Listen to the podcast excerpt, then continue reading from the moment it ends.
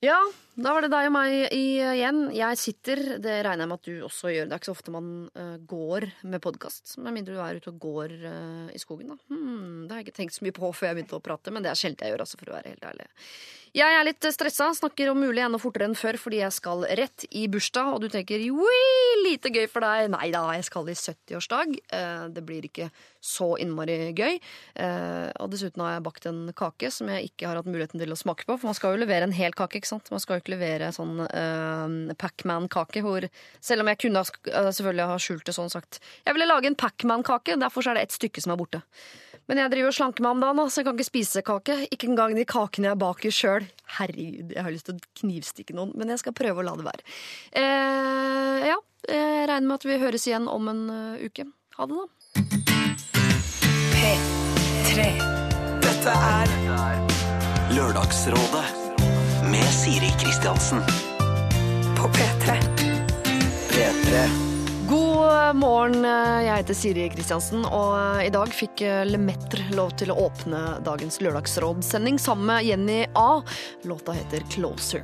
Det er eh, to uker siden sist eh, vi snakket sammen, og det har hopa seg opp med problemer, men heldigvis vil jeg si så har vi brukt tida godt eh, til å delvis løse et kjempeproblem, nemlig nedhuggingen av regnskogen. Og Christian Borch, som jo er fast rådgiver her hos meg, han eh, tegnet en tegning som vi la ut til auksjon, og den gikk vel for eh, et sted rett over 5000 kroner, så vidt jeg kan huske. I dag skal vi ut av regnskogen igjen. Vi skal inn i eh, ditt liv, ned i truseskuffen, over hekken til naboen kanskje. Skal lese de SMS-ene du burde ha sletta, eller kanskje du aldri burde ha skrevet dem, hva vet jeg. Forpliktelsesangst. Det er et ord som veldig mange forbinder med menn, men etter hvert også flere og flere kvinner. Noen ganger så tenker man at man eh, har forpliktelsesangst selv, men oftere, tror jeg, så tenker man at andre har eh, det. At man er utsatt eh, for forpliktelsesangst. Men igjen så er det jo den leiren da, som mener at dette ikke fins. Har man det, så er man ikke forelska nok, da. For er det ekte kjærlighet, så har det ingen timing, det har ingen frykt for forpliktelser, det tar ingen hensyn, det har ingen grenser. Og ja, jeg hører meg selv. Jeg sa nesten 'kjærlighet uten grenser'. Og, og før jeg surrer meg lenger ned i den rosa saccosekken der, og før duftlysende selvantenner, så skal jeg punktere den uh, bobla ganske greit ved å si at jeg ikke står med, uh, i hvert fall ikke begge beina, i den leiren. Fins det forpliktelsesangst, altså? Jeg lar det være opp til dagens rådgivere å finne ut av uh, det. Og hvem er de? Det vet du du følger oss på Facebook. Der har jeg nemlig eh, både lagt ut som gåte og senere avslørt at det er Torbjørn Harr, det er Petter Skjerven og det er vår egen Line Elvsås eh, Hagen. Vi skal en liten tur bakover i tid her i Lørdagsrådet før de får slippe til. Men aller først, dette er Coldplay og Paradise. Lørdagsrådet På P3. P3. Coldplay eh, var det der altså med sin eh, Paradise. Og før det så nevnte jeg vel så vidt Christian eh, Borch, som jo er rådgiver her hos oss ganske ofte. og han var rådgiver her eh, for en god, god stund siden sammen med Linnea Myhre og Ingeborg Heldal. Og et av problemene de fikk eh, servert, var fra en provosert småbarnsfar.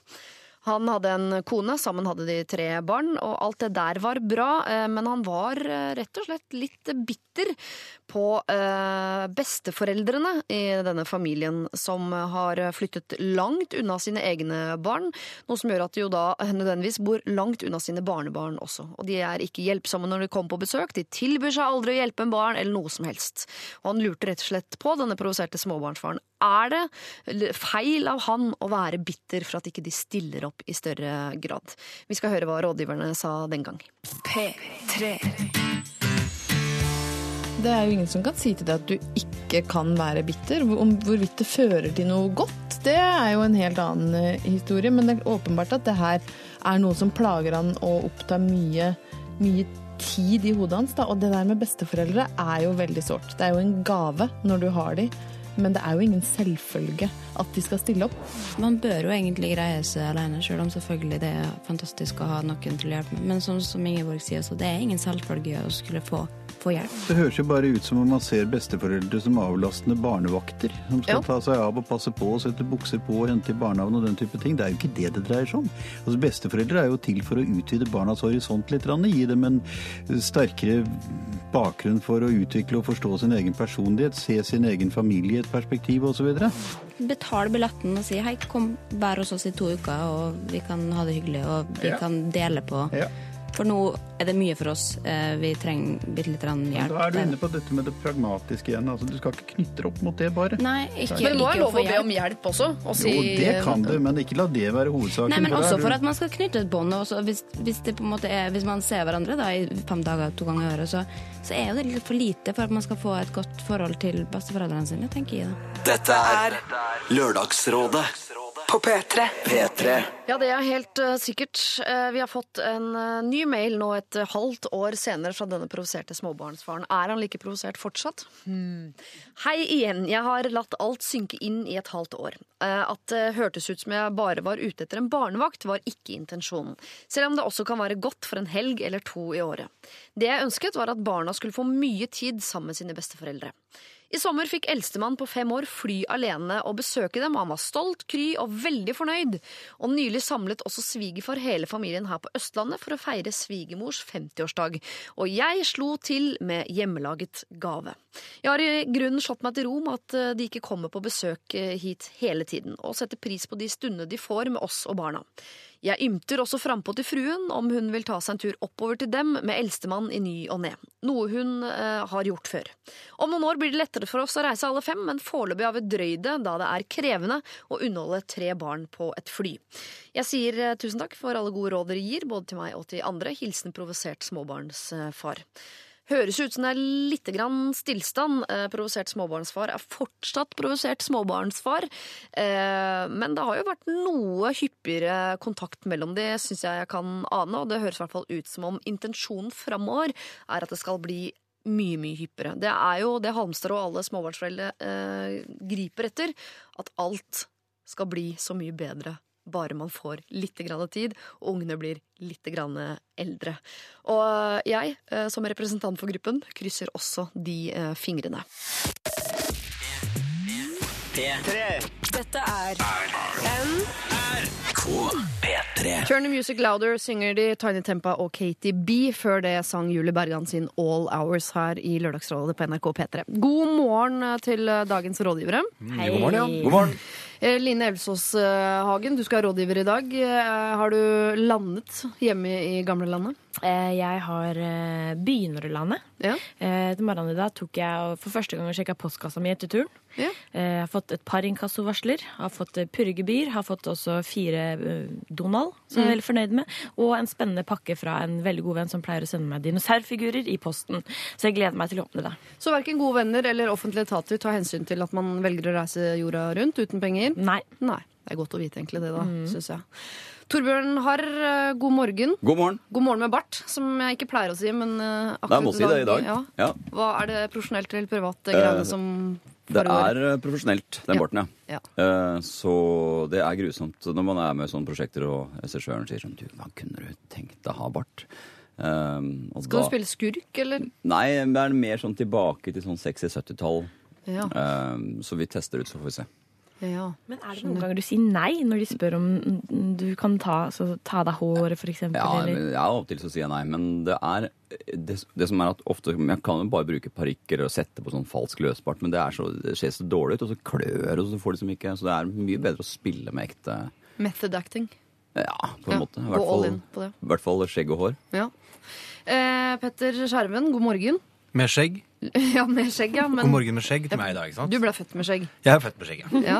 ja. Men det er alltid den lengden, eller er det mer Nei, Det er litt altså, mer nå? Etter sommeren så ble det veldig raggete, så jeg måtte justere det litt nå. altså. Så jeg prøver å holde det omtrent på den lengden du ser nå. Men gjør du det sjæl, eller går du til Ja, akkurat proffe? skjegggreiene må jeg gjøre sjæl. Ja. Håret lar jeg proffe gjøre, og så skal jeg ta skjegg Nei, dette, dette jeg, det må jeg surre med selv, for det må se passe sånn rølpete ut. Som Jeg kan ikke ha noe sånn strigle. Det kan ikke være for Hvorfor? Eh, For du er ganske strigla sånn i klesveien, men akkurat i ansiktet der går du for hjelp. Ja, det er det. Kanskje det er, kanskje det er en kontrast der jeg kan leve med. Ja. Men det er jo, men det er jo ikke bra å strigle skjegget sitt for mye. Det, Nei. nei, det er ikke bra. Så det er Og da, helt- og da blir man jo hipster, har jeg følelse av også. Jeg lurer på om det er, det, et slags skille der. ja, eller veldig skummel, eventuelt. Eller veldig skummel, ja. Ja. Folk med sånn bølgete Ja, Ja, det nei, er det, skjer- nei, det er kanskje ikke så stilig. Du kommer faktisk forbi hipsteren. Du gjør faktisk det. Jeg gjør det. Ja. Jeg føler at du er guden til hipsterne, er det ikke det? på en måte? Ja, nei, At du det- er jeg ekte, men de usikker på om jeg skal ta det som et kompliment. Liker du menn med skjegg og bart, Line? Det er jo å spørre eh, om nå som du sitter i midten av det. Ja, absolutt. jeg må si jeg er litt lei. Ja. Men du har jo en eh, grunn, Torbjørn. Mm. At du er i profesjonell Det er ikke så mange som har denne barten som jeg har nå. Er det ikke så mange du ser. Det er ikke en hipsterbart, er det vel? Jo, Jeg synes er ikke alle det der er Lasse hipster. Ja, ja, ja, ja. Jeg tror det der er Du kan liksom- gå rett på hipstertreff, du nå. Ja, det tror jeg. Jeg tror det der er normcore-trenden opp av dage, det der, altså. Ja, normcore, ja. Det er det det er det som gjelder, selvfølgelig. Men du får ikke lyst å, man får ikke lyst til å hoppe inn i det og begynne å kline, eller? Jeg spør Nei, deg, Line, som er altså. på klinemarkedet. Nei, og så er det en ting Du kan jeg ta en bit med bagel med litt sånn mayo på først. Ja. Nei, så En ting jeg oppdaga når jeg var på tur jorda rundt, så hadde jeg med meg en fotograf som hadde skjegg. Ja. Og det havner jo ofte smuler og litt dressing i kantene. Spesielt hvis ikke du har barbert deg på fem-seks uker. Tatt barten. Så eh, ja. Men jeg syns jo det ser flott ut, da. Det skal du ha. Men eh, når vi først snakker om det, Line. Du var uh, singel før du dro, og her i Lørdagsrådet så må vi alltid redegjøre for vår sivile status.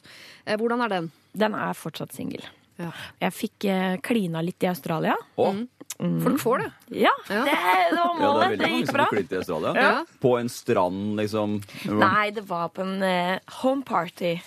Ja, Hjemmefest. God gammel klassiker. Hjemme alene-fest? Ja. Oi. Så ja, Ble det, følte jeg- var dette med i programmet? Ja. Var, var det profesjonell klining, liksom? Nei, det var, eh, det var flaksklining. Altså, jeg ville gjerne kline, så jeg fikk det til. Men fortsatte å kline når kameraet var av, ja. Åh, det er herlig. Så både business and pleasure. Ja, ja, ja. Det er To fluer i mulig, en det, altså. Så det er dette her Ja, takk, da, er kutt, dere. Ja, ja, ja, ja, ja. Lisenspengene rett i klining. Det syns jeg er hyggelig, da.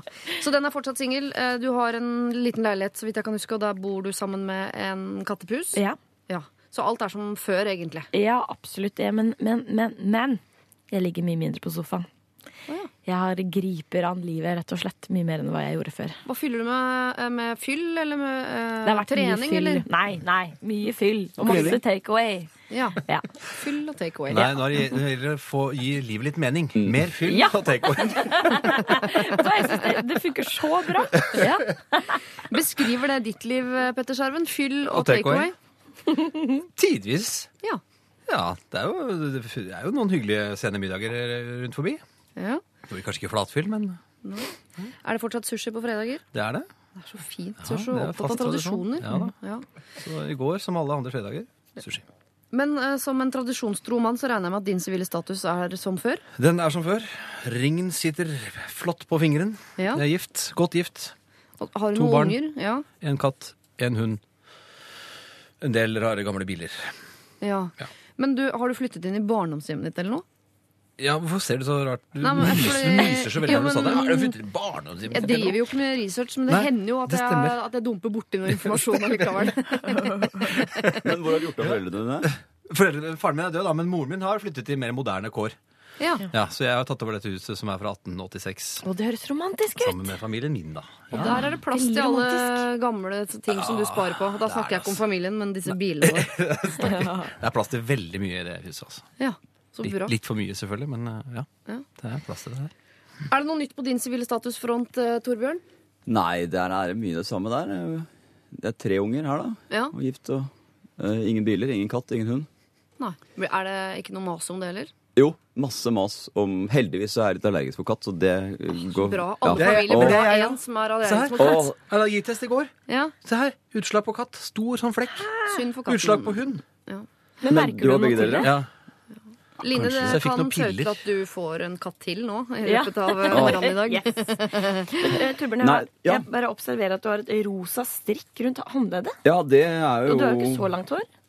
Nei, så det er eh, også embetsført Nei da, det er vel Er det Det er datteren min sin eh, sånn strikk som Ja. hun har i barnehagen. Ja. Tydeligvis ikke, da. Nei. Nei, det har jeg glemt, selvfølgelig. Og hun sitter i bilen utafor, eller?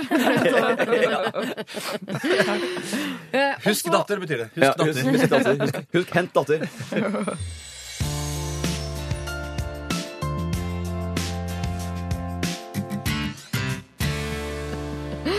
Kaizers Orkestra fikk vi altså høre knekker deg til eh, sist, påstår nå de, da vi får eh, se. Eh, Kjære rådgivere, Torbjørn Har, Line Helsåshagen og Petter Skjerven. Vi Hei. skal treffe en som heter Heidi. Kjære vakre rådgivere, skriver hun. Saken er den at for litt over et halvt år siden så møtte jeg en fyr, la oss kalle han Ole. I starten var jeg ikke interessert i han, men Ole ba meg med ut, og det viste seg at vi hadde veldig god kjemi. Snart gikk dating over til noe mer, og i mine øyne har vi nå hatt et slags forhold i en fem-seks måneders tid. Han har en sønn fra før, og jeg har en sønn. Eh, og Ole har møtt min sønn en rekke ganger, og min sønn liker Ole svært godt. Jeg har ikke truffet hans sønn, men jeg har truffet hans sønns nye stefar. Er dere med så langt? Ok. Eh, Hans nye Kan vi bruke flip-over? Altså, eh, Ole og Heidi har hver sin sønn. Ja. Ole har truffet Heidi sin sønn. Heidi har ikke truffet Ole sin sønn, men Ole sin sønn har fått en ny stefar. Og han har hun truffet. Jeg skjønner. Ok. Ikke sant? Ok, Så Oles eks har hun ikke Men- truffet? Nei, tydeligvis ikke. Nei. Nei, For det Bare skriver hun ikke noe om. stefaren? Nei, ok. Ja, Ja. ja. Ikke med. for mye opp i det. Min sønn har snakket med min mor om Ole, og de har konkludert med at vi er kjærester. Og Ole har møtt min far ved en anledning, og mine venner flere ganger. Problemet er at Ole vil ikke forplikte seg. Han sier at han må konsentrere seg om eksamen, finne en jobb, finne en ordentlig leilighet, og at han er midt oppi eh, masse greier og har ikke tid til et forhold. Jeg mener uansett at vi har hatt et forhold, jeg da, men jeg, eh, jeg klarer ikke å slappe helt av når vi ikke kan definere oss som kjærester. Noe som jo gir meg mer trygghet og gjør at jeg kan senke skuldrene og eventuelt la følelsene utvikle seg videre. Når vi møter noen han kjenner, er jeg alltid bare en venninne. Men jeg vil jo være dama. Det virker som om livet hans og, eh, er, og livet med meg er to separate liv, selv om han jo er veldig involvert i mitt. Tidligere denne uka forklarte jeg han at dersom han ikke vil ha et forhold, men bare et forhold uten forpliktelser, så må jeg få lov til å date andre. Han har tidligere presisert at han ikke vil at jeg skal flørte med andre eller date. Men han vet at jeg er ute etter hele pakka, og jeg vil ikke vente i all evighet. Så han sa at han forsto dette, og at da får jeg heller få lov da, til å date andre, selv om det vil gjøre vondt for han. Han sender meg meldinger med kyss og klem, kyssesmileys, kaller meg søta baby osv., og, og det er veldig forvirrende. Jeg legger til at jeg er 27 år gammel, han er 35, og jeg føler at jeg ikke har tid til tull og tøys. Jeg vil ha familie, jeg vil ha flere barn, og lurer derfor på bør jeg avslutte dette forholdet helt og komme meg videre. Hilsen Heidi. Skal hun droppe Ole? Oi, det var Veldig intrikat. Det Ja, er veldig så tidlig på morgenen. Kunne ikke tatt dette litt senere? Hva er forskjellen på Tebrix og Scones? Kunne Ja, vi begynt med vi, vi, vi var jo så litt inne på det her med, under musikken. Altså, hun er 27, han er 35, så det er jo Han bør jo Han har jo barn fra før. Han, skulle, han studerer, var det sånn? Han skulle lese? Ja. lese Og jeg til eksamen og Ja. Ok. Han har liksom begynt et nytt liv, han. Men altså, ungdom, ungdom nummer to, liksom sånn uforpliktende fase for han, da? Sånn, nå har vi en ny russetid, eller? Ja, hvis de har vært sånn sammen, Nå har de vært sammen et, eller det som hun kaller å være sammen i et halvt år. Jeg kaller også det å være sammen. Hvis man er mye sammen, har møtt hverandre, altså barna, eh, fedre, og venner. Ja. Mm. Ja. Og han har jo tid, for de har jo hatt et forhold. ja. Har de ikke det? Jo. Men altså, det er, jo- det er, jo- det er to, det er jo to om, å- om Man må være to for at det skal være et forhold. Ja. Så hvis ikke han vil, så er det jo litt et halvt forhold. ja. Samtidig er han litt barnslig, min kanskje? Eller? Nei, men det er klart, han, hvis, hvis det er sånn, hvis han er veldig tydelig på det. Jo, hvis ikke hun kan flørte med andre, er det får hun lov til nå, da. Jo, men hvis han, er- Det er jo på en måte greit fra hans side at hvis han har, vært veldig tydelig og sier jeg kommer aldri til å gå inn i et nytt forhold, men jeg vil gjerne være sammen med deg, og jeg kan gjerne treffe foreldrene dine og, og barna ditt, og alt sånt, men vi kommer aldri til å bli eh, Så er jo, et, går, er jo det lov, Ja, så hvis lenge, han han er sluppet, det. så lenge han har sluppet henne nå fri til å flørte med andre. Ja, det er så- hans, egentlig er det ikke hans ansvar til å bryte her, hvis han er så tydelig og real på det. Men, uh... Men han, han prøver jo liksom dra hun inn og liksom baby, kyssetegn, og sender jo noen signaler om at han vil fortsatt ha hun. Og det er jo ganske forvirrende. Da hadde jeg jo også Playing with feelings, det er ikke greit. Og han sier jo Det er ingen steder her det står at han aldri vil. Det passer ikke nå. Det er eksamener, han må finne seg jobb, han må finne seg leilighet og alt det der. ikke sant? Så det er mye akkurat nå. Men Jeg må bare stille et kontrollspørsmål, egentlig. Eh, tror dere at det finnes noe sånt som forpliktelsesangst? Eller handler det bare om at ikke det er ekte kjærlighet? Det gjør det sikkert, men det, altså, det, er, det, er, det er en slags graut av forpliktelsesangst, umodenhet. Mm. Eh, og, og kanskje noen andre personlighetstrekk vi ikke trenger å trekke fram. Men altså, det er, det er etter, jeg, er litt, jeg heier litt på det du sier med at, at man spiller litt Han leker litt med følelsene hennes her. Altså, det kan hende at han bør være tydeligere hvis han faktisk mener at det ikke skal bli noe noensinne. Altså liker jeg å tro at hvis du faktisk liker noen, så, så går du inn med full pupp. Ja. Og da tenker jeg han er ikke fullstendig in for it. Tror jeg. Nei, men Handler det om at han ikke er det nå, eller at han aldri kommer til å bli det? For Hvis han ikke er det nå, så kan det jo hende, hvis Heidi er forelsket nok, da, at hun eh, kan vente på han. Men Virker verden sånn? Nei, Altså, det er, sånn er det ikke. Han kan ikke, hun kan ikke vente nok. på han. Det er ikke sånn at hun, det, er, det er veldig dumt av uh, Heidi. Mm. Fordi at uh, da er det jo Det spiller jo veldig Da spiller de med usikre kort her. Jeg tror hun, hun må bare Men kan, kan hun ikke si at nå er det fiks ferdig, da? Idet hun får seg en ny kjæreste, så ser hun jo om Eller begynner å innlede et forhold med en annen, så får hun få vite om han virkelig vil eller ikke. For da må jo han komme på banen for alvor. Hvis han Men hva med å sette en tidsfrist Ja. for seg sjøl og si sånn OK, jeg gir Ole tre måneder til. Hvor jeg pusher, prøver å For det kan hende han har forpliktelsesangst. At du prøver å gra grave mer i det. Prøve å trykke på noen knapper. Se om han glir litt. Hvis ikke Nei, da stikker jeg. Er, Tre måneder. Ja, det, ja, men det er også en sånn erkjennelse av at hvis du, er, hvis du har bikka 30, så er mye av personligheten ferdig snekra. Så at det skal Det endre seg så veldig, er jo, også, er jo også litt sånn utenkelig, tror jeg. Så det er jo et mønster her som, eh, som, eh, som kanskje blir vanskelig å plutselig definere vekk. Og så er det jo kjedelig hvis er sånn nå, nå må du bli kjæreste med meg, Ole. Og så blir svaret det OK, da. Det er jo et veldig kjedelig. Men greit, greit, da blir jeg det, da. Det er jo veldig kjedelig å gå inn i den Nei, er, kan, kan ikke vi gi rollen til å bare kutte?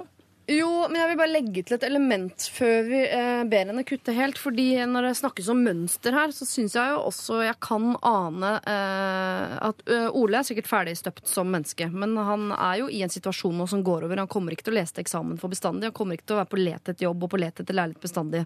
Så det er litt mye akkurat nå. Og han er jo kjæreste med Heidi, men når Heidi ber om å være kjæreste, så virker det som han tror det er jeg syns liksom jeg eh, aner her at Ole han har vært kjæreste før, han. Med en eller annen som det der kjærestegreiene var noe veldig stort og skummelt og helt ekstremt forpliktende og vanskelig og farlig og altoppslukende. Fordi egentlig det eneste Heidi ber om, er at de kan kalle hverandre kjærester. Hun ber ikke om at de skal flytte inn i et, eh, et hus hvor dørene kan eh, låses fra både innside og utside. Hun ber, altså, hun ber Nei, ikke om vil, så mye her, egentlig. Hun vil bare senke skuldrene. Det var det hun ville, ja. Ja. Hun vil ha dette kjæresteforholdet definert som et ikke hengt seg opp i at han skal kjøpe seg egen leilighet. Nei. Hun har sin egen sønn, han har sin. Men selvfølgelig så sier hun at hun ønsker seg en familie og flere barn på sikt. Men hvorfor vil ikke han si at de er kjærester? Ja, Hvorfor vil han ikke være kjæresten hennes? Nei, jeg, jeg tror du har rett, jeg, Siri. Han er redd for å bli låst inne. Ja, Eller er han ikke rett og slett eh, For selv om du har blitt såret i andre, et annet forhold selvfølgelig, Det er mye vanskelig å gå inn i et nytt, men hvis du virkelig kjenner dette er det som gjelder, Mm. så er det det, skal, det høres ikke ut som han liksom har lyst til å satse 100% på dette her. For det er, dette er noen, det er ikke sånn de har, det, Dette har de jo snakket Dette ordentlig har de sammen. snakket om, ja. Og ja. han har til og med sagt ok, du får være sammen med andre hvis, hvis, Så du som mann sier ok, du får være sammen med andre menn, da er du ikke ordentlig forelsket. Nei, for da, for da, da, hvis du at det mangler det, noen- da mangler det noe. Altså. Ja. ja, for da svarer du egentlig på det jeg spurte om i stad. Hvis du virkelig er forelsket, har man, er det plass til forpliktelsesangst, på en måte? Eller ville han da ha Men ja, nei, vet du hva? Jeg syns du skal gi det litt mer tid. Ikke Ja. mye. Én, to måneder. Kanskje tre. Mens hun da er sammen med andre Nei, mens hun prøver å komme i dybden. ja, Men dette har hun prøvd et halvt år. Er det så lenge, da? Ja, det er lenge. Ja, det er for, for voksne folk er det det, altså. Ja. Nå, har Ok. han, Det er lenge når du er 27, er det ikke?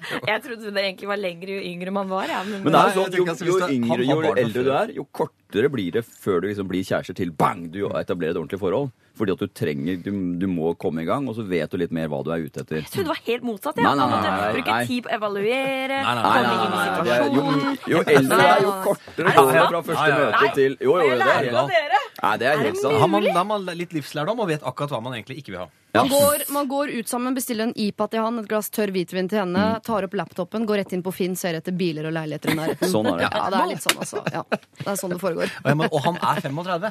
Han er jo Ja, han er. Men det Nei, du, jo det er masse fantastiske 28-årige menn der ute. Ja. Kan vi gi henne en slags kompromisspakke her som går på at eh, du, de neste tre månedene nå, så eh, ha- har du masse med Ole å gjøre, eller du oppfører deg overfor Ole som du alltid har oppført deg overfor Ole. Så Ole, du får Ole, Ole får deg, og alt er som før. Men dere er jo ikke sammen, og du har fått go på at du kan date andre, så da gjør du det også, da. Og så om en tre måneders tid eh, så tar du en ny evaluering på om kanskje du har truffet en annen fyr som du liker bedre enn Ole. For jeg tenker at når du leter etter eh, en å stifte familie og få flere barn med, så skal du jo ikke lete etter den pakka. Du skal lete etter han fyren som også har lyst på den pakka sammen med deg. Og det er jo for øyeblikket ikke Ole. Så fortsett å lete. Men hvis Ole er komfortabel med å være på gress, ja, så la han stå og gresse i hagen din. Da. Det er vel koselig, det. Ja, Så sant ikke hun går til grunne på veien der, så er det greit. Ja. Ja, da ringer du. Da ringer du oss. Eh, ring ned Radioresepsjonen, og så får du dem til å sette deg opp eh, til oss, så skal vi ta det eh, over en eh, telefon.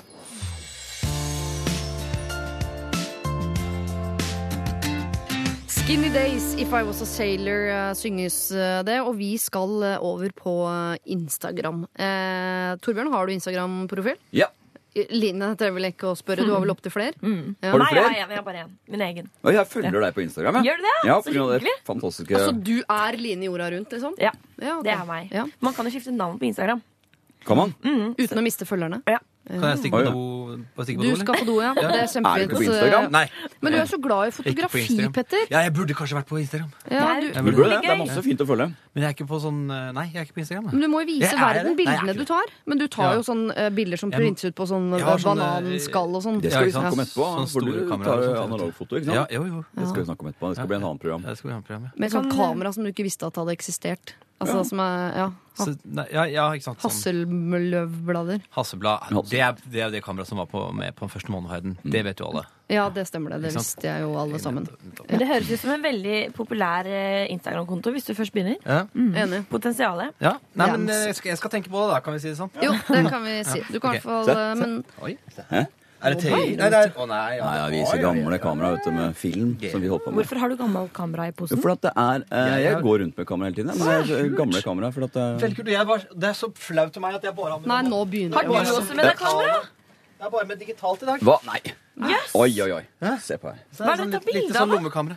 Ta bilder, jo, det en fugl og tre og sånn? det er en slags Line, jeg lurer på om vi hobby. skal la de gamle Det er gutta bare få holde på, og så tar Eneste vi problemet jeg har med å ha liksom fått en sånn ny ordentlig hobby, det er eh, Jeg snakket med Bjørn Floberg. Ja. Du vet, en av de største skuespillerne i Norge. Ja, ja. Og han sa det jaså?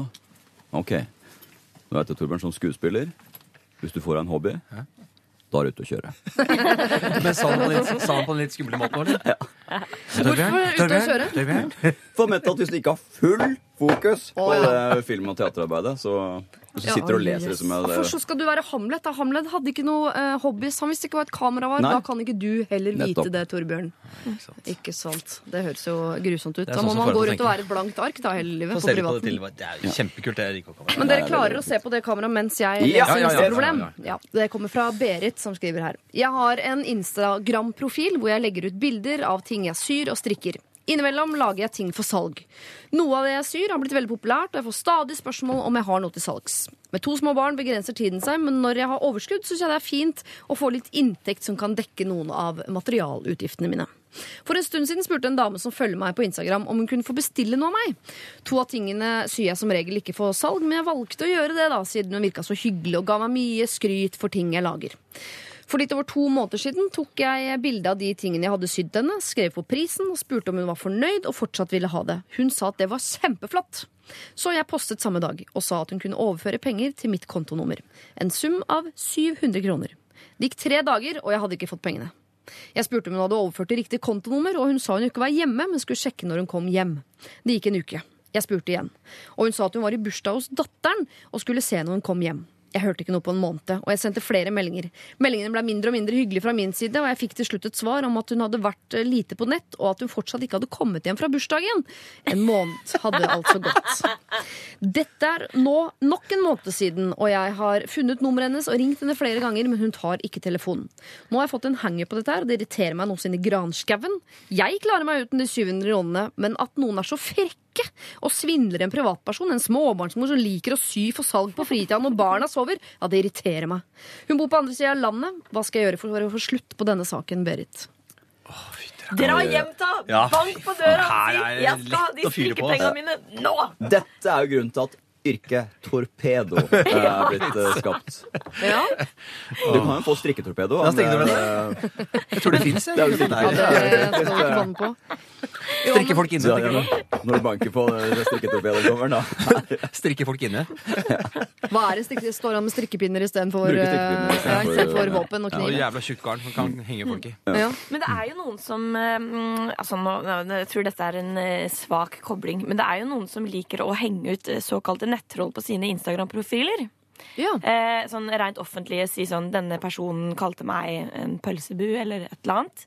Eh, sånn som Sigrid Bonde Tusvik gjør jo ofte det. si det. Ja. ja. Eh, Og det er jo veldig effektivt, spør du meg. Så det kunne jo vært meget slemt, da. Kunne jo vært en slags hevn å posta et bilde eh, av denne Instagram-profilen til denne dama som ikke har betalt de 700 kronene, og si nå skylder du meg pengene, og du ødelegger min strikkeglede fordi du har gjort dette mot meg. Eh, Men jeg syns jo det er eh, Det er vågalt. Får hun pengene da? man kan jo true med det. Det er jo Hun får i hvert fall skam. Ja. Skam. eh, Offentlig skam. Offentlig skamgjort. Du vet at det er, det er eh, godt å føle en form for rettferdighet, selv om ikke pengene kommer på konto. Ja, ikke sant? Så det er klart det er mulig, det. Men Det det, går jo an, sånn- å true med den slags. Er, Ja. det er et skritt før man faktisk gjør det. Det er litt som en sånn snurt eks som legger ut puppebilde av eksen sin fordi han er eh, Ikke helt det samme, men Nei. eh, Altså, hvis jeg legger det ut Nå la har på seg en strikket BH, for eksempel, ja, ja. Ikke gjør det. Um, eh, men hvorfor betaler hun ikke de 700 kronene? For jeg tenker, tenker Hun er kjempe, kjempelagt. Han har vært i bursdag i over en måned. Det er klart at det blir dyrt Ja, det er i, i lengden Så skal ny gave hver dag osv. Men da burde hun jo sende tilbake produktene, om ikke annet. da eller bare er hun helt utspillert og har gjort dette her? Dette er, altså, det er jo så lett å heie på øh, vår, vår, vår innsender her. Ja. Uh, og, og fordi dette høres jo bare ut som rent, rent tjuveri, rett og slett. ja. Det er jo noen dårlige folk der ute. Det er dårlige folk der må, ute. det må jo være det som er forklaringen. Jeg kan ikke skjønne noe annet. Nei, så enten så Vi kan ikke sånn, begynne å spekulere i hvordan hun andre, i andre enden er, for hun er jo helt tydelig et, et, et, et dårlig slag. ja. Sånn at uh, enten så må hun Så hun burde jo sende tilbake Hun kan jo få lov til å sende tilbake de tingene. Men, men det beste rådet, hvis det går an, er jo glem det. Altså det er, de 700 kronene, glem det. Bare gå videre.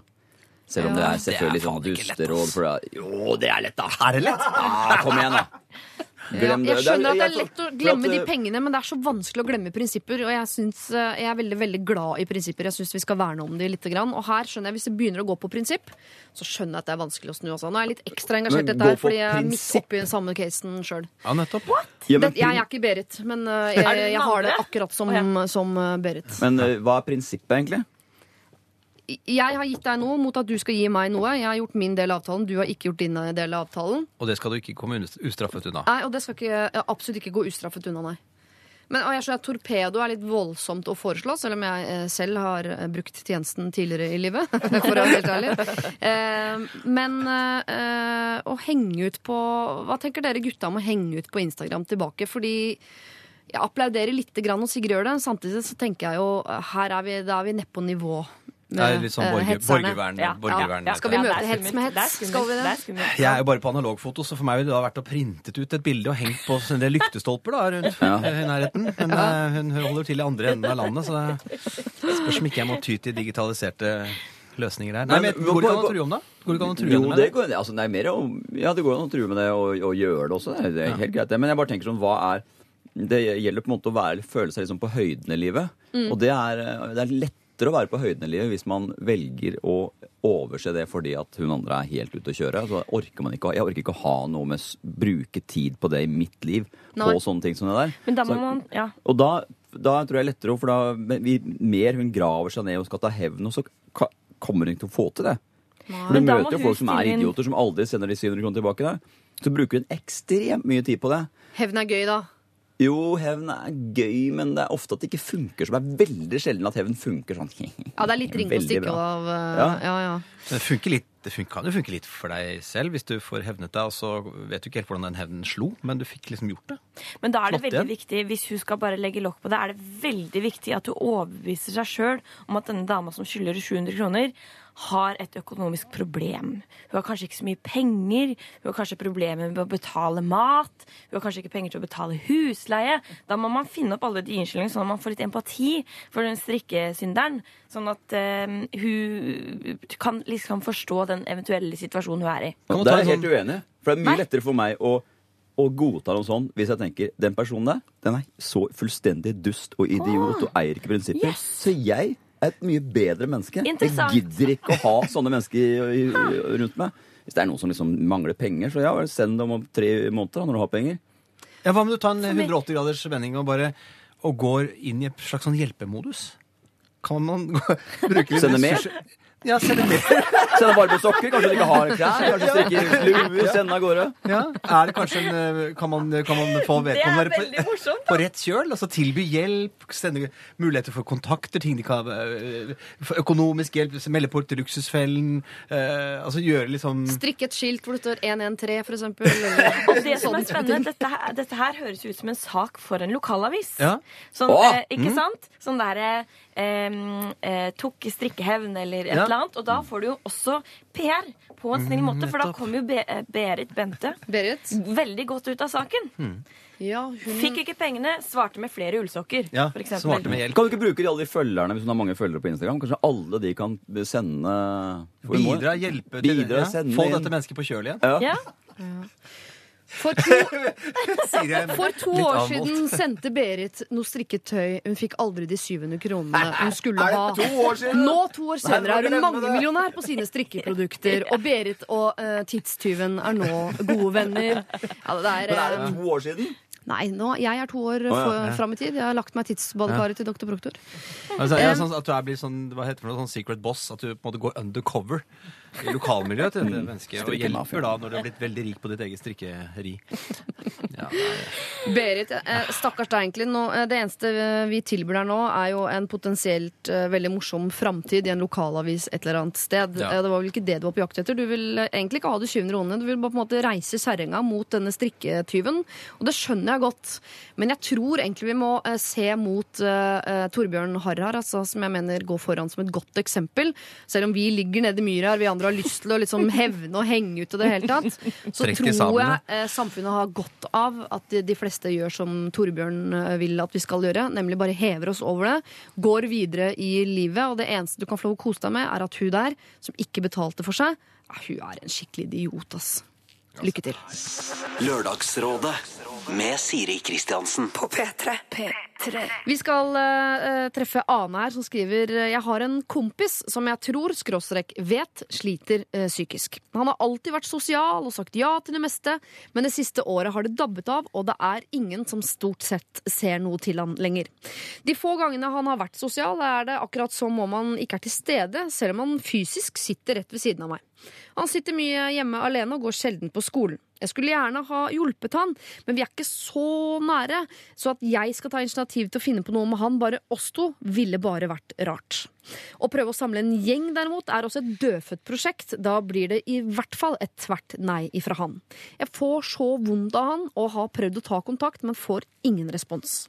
Mine andre venner sier at jeg skal gi det opp og la han være i fred, men det har jeg ikke hjerte til. Jeg må hjelpe før det er for sent. Så hva skal jeg gjøre? Med vennlig hilsen Ane.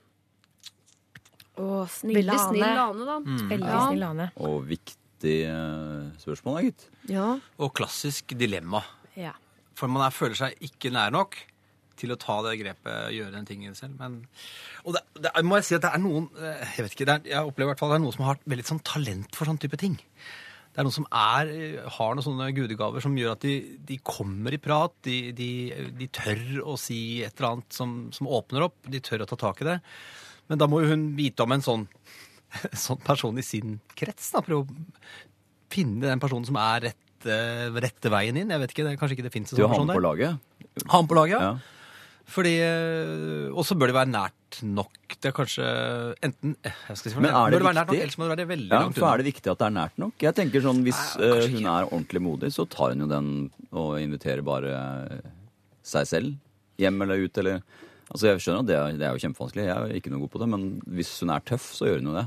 Ja, for Det høres jo ut som i denne gjengen her Så høres det ut som det er Ane som er rett kvinne for oppgaven. Ja. At ikke hun er nær nok. At da, hvis de er to og to det, Hva er det hun er redd for at det skal virke som om hun ber han ut på en date? Men er ikke, Ja vel, liksom. ja, for hun, hun, er ikke, hun, hun er ikke langt unna eh, systemet, eller? Nei, jeg får inntrykk av at de er i samme, eh, altså, de er i samme vennegjeng, men Ja, okay, hun er ikke hun hans tenker- nærmeste. Ok, sånn, da skjønner jeg. Nei, Men hans hun- nærmeste har jo svikta, hvor de sier da at er de jeg helt enig opp. med Torbjørn. Da er, da er det jo ikke noe å lure på, tenker jeg. Nei, jeg, Det er bare å ta kontakt. Helt enig. helt enig. Hopp i det.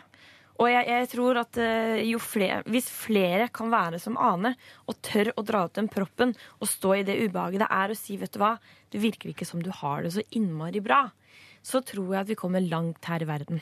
Men det er fint at du sier det ubehaget, for vi må vel nesten advare Ada om at eh, hvis du begynner å gå ned den veien der, så skal du vite at Ja. eh, det er ikke sikkert det er du som velger akkurat når den stien tar slutt, på en måte. For Nei, nei. det, det, det er jo Og, og, det, er, ja, altså man ikke er. og det er også veldig viktig å si til Ane at uansett hvor langt nå hun går å hjelpe eller ikke hjelpe, så er det ikke hennes ansvar.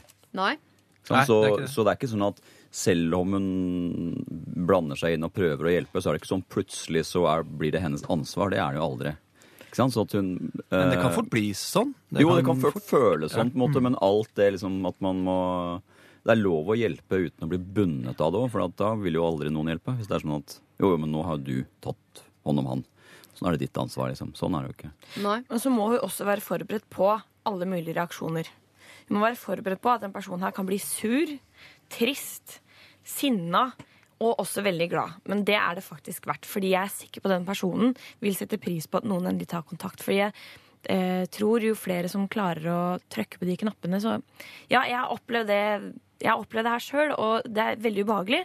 Men når du sier noe, så setter som regel en andre person pris på det. Det Men du, har du vært Ane, eller har du vært eh, kompisen Jeg har vært i dette? Ane. Mhm. Ja, Som har tatt eh, tak og fått avvisning, men ikke gitt opp?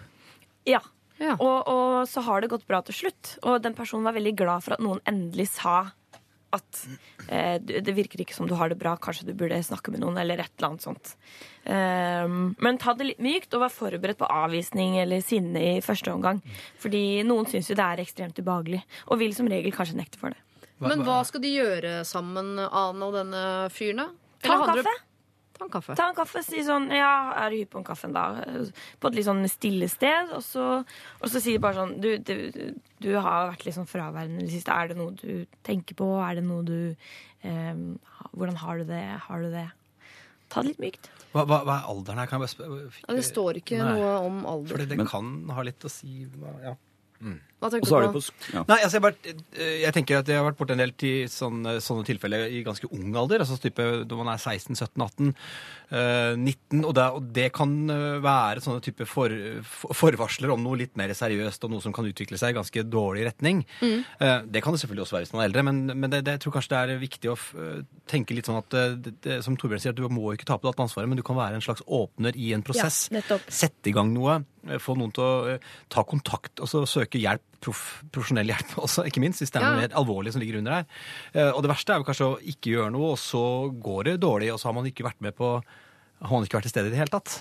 Eh, og så kan det godt hende at man gjør noe, men det går dårlig likevel. Men da har man i hvert fall vært eh, del av en prosess. Det er jo en viktig på en måte, å ta del i den prosessen på et eller annet vis. Ikke bare sitte og se på. Det virker jo som hun, det, Hun skriver jo at han ikke er på skolen lenger, så det virker som hun går på skolen. og det, okay, går det var og, ja. Det går jo an også, eh, hvis hun, det er noen som helst å snakke med av eh, lærere, altså sånne ting på den, på den skolen òg, at det går an å ta tak litt den veien. Jeg vet ikke om hvilken type skole det er snakk om. Nei. Men at man kan, hun kan jo gå der og få litt hjelp, hvis det er noen hun stoler på der. da. Ja. Og så vil jeg jo også tro at denne fyren har um, kanskje altså Forhåpentligvis kunne for denne fyren hatt en søster som er bare sånn to år eldre. Og det da å ta litt kontakt med hun og si sånn Du, jeg bare henger jo med han, men han virker ikke så glad. Er det noe eller har du lagt merke til det? Eller at man kan liksom gå på noen av de som er i den litt eh, nærere kretsen, bare for å lufte litt stemninga, for å høre, for å høre om, om, det er, om de også har tenkt noe på det samme. For det er som regel bare, det er bare den ene ballen som mm, settes i gang, og så pleier det å rulle litt. litt rann. Alle har jo tenkt på dette, vet du. Ja, ikke sant? Det er nettopp det.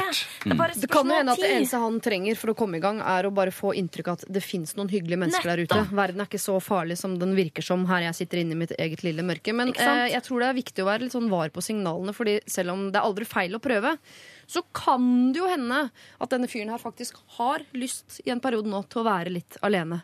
Eh, Men Så man skal år, ikke eh, pushe for mye på det heller. Kanskje han eh, trives best i sitt eget eh, selskap. At han har vært sosial fram til nå, for han har følt at han må.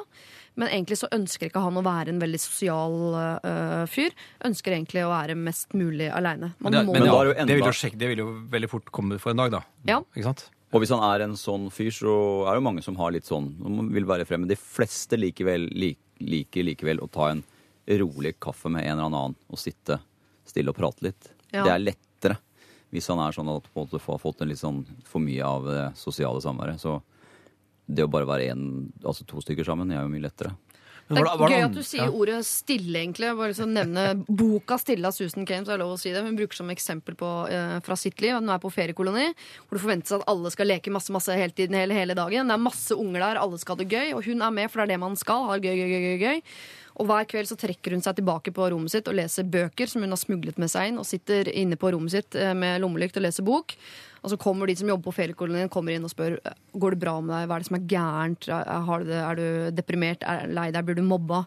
Eh, hvor hun på et tidspunkt får vel sagt ifra, tror jeg, enten da eller om hun gjør det først i voksen alder, at det eneste jeg vil i min ferie, er å sitte i fred og lese bøkene mine.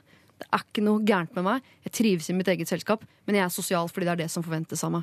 Så jeg bare jeg nevner Ja, det. ja. Det Men, det men er det andre ting, var det andre ting ved atferden hans som gjorde at, uh, at det var noe varsku, eller var det bare det at han var eh, asosial? Han var ikke på skolen heller.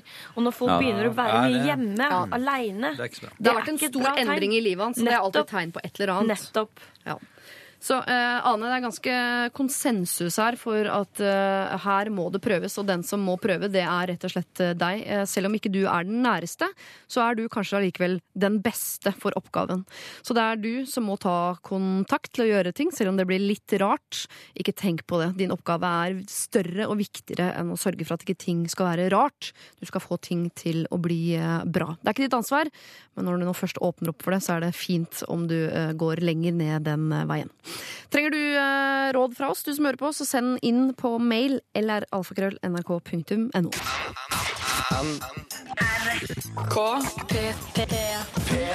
Broiler sammen med Tishheimen. Dette var Fly by Night i Lørdagsrådet på NRK P3. Og vi skal inn i eh, et problem hvor det er et par som skriver inn sammen. Oi, oi, oi! Eh, problemet ligger ikke hos paret, men ligger altså hos en eh, tredje person.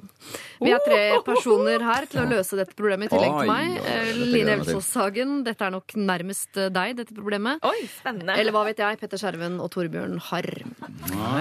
Vi er et par i midten av 20-åra som har vært sammen i fire år. Vi endte tilfeldigvis opp med å ha trekant med ei venninne på en fest for to år siden. For oss var det helt fint, men hun som var med oss, frika helt ut midt i hyggestunden og ble plutselig redd for at hun ødela forholdet vårt osv. Det gjorde hun ikke. Uansett, det hele ble en helt middels opplevelse. En annen venninne av oss, la oss kalle henne Tonje, hørte om denne kvelden og har nå i to år på samtlige fester ymtet frampå at hun vil ha en trekant sammen med oss. Hun er morsom og hyggelig, og vi har et godt forhold. Så vi har alltid sagt at ja, ja, det kan vi sikkert ha en eller annen gang. Selv om vi begge egentlig ikke er interessert i å prøve dette med henne. Eh, og så kommer det en historie om at de har vært på samme fest alle tre. Og eh, denne gutten og Tonje eh, ble ganske fulle. Fullere enn Ida, som jo er kjæresten. Og endte opp med å kysse lite grann, og eh, seg imellom fant ut at jo da, vi går for det trekantgreiene. Var plutselig mye mer gira på det enn man vet at August vanligvis er i edru sammenhenger. Da blir Ida sint og sier fra tydelig til kjæresten sin og denne venninnen om at det kommer ikke til å skje. Og så skriver de her Nå har Tonje blitt snurt. Hun føler seg lurt. Og vi lurer på hvordan skal vi behandle denne venninnen som føler at hun har krav på en trekant med oss? August og Ida. Altså August og Ida står i en situasjon hvor de eh, nesten skylder en trekant til en jente som de jo egentlig ikke vil ha trekant med. Besnærende pikant uh, problemstilling. Altså. Ja. Oi, oi, oi. Ja, nei, det er, man kunne bare blitt ferdig med det, selvfølgelig. Bare feid over henne Ja, og så gått videre. fått Det så gått videre. er mulighet, det. Sett på det som et eventyr, et stort kompliment, en ny erfaring. Det er mange positive ting man kan trekke fram ved å ha en trekant man ikke vil ha. Nei, nå trekker jeg det tilbake. Det er jeg ikke enig i, egentlig. Til å skulle ligge med alle jeg har møtt opp igjennom fordi det er et kompliment at de har lyst til å ligge med meg. Eller alle, som, eller alle som blir snurt av en eller annen grunn. Ja. kan en trekant. Det er mulig at det Ja, sånn Men det er, jo ikke sånn, det er jo ikke så ofte man blir tilbudt en trekant. Altså, det, jeg tror aldri det har forekommet En gang har det forekommet meg, men eh, ellers så I altså- Australia, eller? Nei. Nei, greit. Men det er jo ikke, det er jo ikke, det er jo ikke eh, dagligvare hvis det er noe de Tydeligvis virker det som de egentlig liker det, da. Så det Ja, vet ikke. Det Men de har jo ja, hatt men- en litt dårlig erfaring, da. Egentlig. Ja, det var jo gøy helt til hun frika ut. Ja, det er klart det er. Du har aldri lyst til å invitere noen hjem i senga pga. at de er snurt. Nei. Så Nei, det er pussig Nei, det er ikke noe det mest sexy personlighetstrekk personlighetstrekket, det. Men kan du si, hvis du lar være å bli snurt og går over til å være blid og sånn som du var før, så kan vi se om et halvt år? Så får vi se, da, vet du. Ja, så får Har du se. prøvd det, eh, ikke for å trekke inn barna i dette, for det blir grisete, men har du prøvd det på barna dine? Hvis du slutter å grine og sutre, så skal du få en sex? Nå sa du Få en sex. sex. Nei, jeg sa sex. Ja. Jeg burde sagt kake, eller Det blir vanskelig å svare på. Det er, det er ting som blander seg opp i huet som jeg helst ikke vil ha sammen. i samme tanke. Det, Jo, men jeg tror Hvis du lokker noen som er snurt med at de skal få noe hvis de bare vil bli igjen, den blidheten der, men, den men er jeg lurer på en, veldig, en viktig ting her. Ja. Hvorfor er det viktig at denne Tonje skal bli blid? Ja, men Kan innom, ikke hun bare Ja, men, ja, men kan du Kan hun ikke bare Hun kan få lov å være snurt, hun. Det er ikke noe farlig, det. Men det er jo en kjip avvisning. eh, For de, de vil jo, altså det er jo kjipt å være en de ikke vil ligge med. Altså, det er jo ikke så ofte trekanter blir tilbudt. Og når du da Når først er i markedet. Når du først er i markedet da, og, og, og, og det blir takka nei, så er jo det Det er ikke sånn Nei, jeg vil ikke ligge med akkurat deg, bare du og jeg. Det er sånn Det, det, det, det er et dobbeltnederlag for Tonje, da. For Tonje ja. Ja. Hun Det skal blir snart-. Hva heter, er hva heter, Tonje vi skal hva hjelpe. heter herren i forholdet? Nei, men August, nei, men- August har jo kanskje lovet bort litt Ja, ting. det er mulig. Så det er mulig at han har lovt bort litt ting i disse litt mer påvirkede tilstandene de har vært igjennom disse to årene. Men hvis vi skal lese det riktig, så har han Jo, det var litt klining, ja. Det, Ja. ja, altså, det var jo ikke helt bra. Og de ble veldig gira, da, selvfølgelig. Ja, ja, ja. Nei, det var ikke helt bra. Men jeg tenker sånn, sånn at det er, i- Sett med andre øyne. Hvis de er redd for hva liksom, utenomverdenen skal tenke, hva resten av vennekretsen skal tenke, så er det veldig sjelden sånn at, at den eh, får sympati som sier Vet du hva? Jeg får ikke ha trekant med det paret. At, at, at, at vennene blir sure på det kjæresteparet. som ikke Ha vil- trekant med vil ha- da. Ja, ha- Herregud, ha det er så farlig. Har det blitt, har det blitt forresten, har det blitt en, en snakkis i gjengen? For det er også litt Ja, interessant. Er Ja, hvis August og Ida snart på en måte har eh, harva over hele vennegjengen, så blir det jo rart etter hvert òg, da, syns jeg. Jeg synes jo man skal Dårlig holde da. Ja, da er det flere som steller seg i kø. Luremussepar. Men jeg tror det som gjør at dette her er vanskelig, er jo at fordi, eh, som du sier, at August og Ida er jo i trekantbransjen. Altså de er åpne for konseptet som par. Eh, De har gjort det før, og det har gått greit, og i det hele tatt. Så hvis de skal avvise Tonje, så er det jo fordi det er Tonje. Nettopp. Og det er ikke noe kult å si til Tonje at jo, jo, vi vil gjerne ha trekant, vi, men ikke med deg. Så det er jo en, som du sier, en klassisk eh, dobbeltavvisning. Og hvordan får man gjort den så, Hvis hun er venninne det er, et- det er, det, Jeg føler det er lett å avvise noen som er litt nær deg, og det blir for rart. Ja, Det er veldig sjelden at hvis det hadde vært Hvis du tenker på at det ikke er trekant, men vanlig sex, ja. så er det jo oftest grunnen til at man avviser, er jo på personlig grunnlag. Det er sånn Ja, ja, Jeg vil gjerne ha sex med folk, men ikke med deg. Det må jo være mulig å si. Ja, Er det så ofte man sier det? Man sier jo som oftest nei, jeg har mensen, eller jeg skal stå opp tidlig i morgen, eller Man bruker jo veldig mange andre unnskyldninger, stort sett. Ja, man skal ljuge i den situasjonen her. Ja. Man skal ljuge. Hva Man skal skal, si, si nei, skal si sånn Nei, men du vet hva, Ida og jeg vil finne ut at vi ikke er komfortable med trekant lenger, så vi takk for tilbudet, liksom. Du er nydelig. Men da kan de aldri ha det igjen, da. Men noen jo, andre heller. men hun trenger jo ikke vite det. Kan si sånn, Gått et halvt år, så bare Å, shit, vi likte det likevel. Og så bare Men du var ikke der. på igjen. Men du var ikke der. Da, da var det liksom Vi prøvde å ringe, da. Som ville igjen, ikke sant? Nei, nei, nei. Ljug. Ljug, ljug. Ljug, ja. ja. Line, du går for ljuging. Torbjørn, du mener jeg skal bare gå rett på å si det er, eh, det er deg? Vi vil ikke, vi vil ikke ha trekant med deg. Det er ikke oss, det er deg. Ja, det, ja, det, Men Petter, du mener jo rett og slett at de bare skal harve over henne? Kanskje rett skal bare bidra med litt dårlig sex, så at hun slutter å mase? Ja, vet du hva, jeg tenker det er Hvis de er eh, å- åpne for den, den slags aktiviteter, Ja. så bare bli ferdig med det, altså. Ja.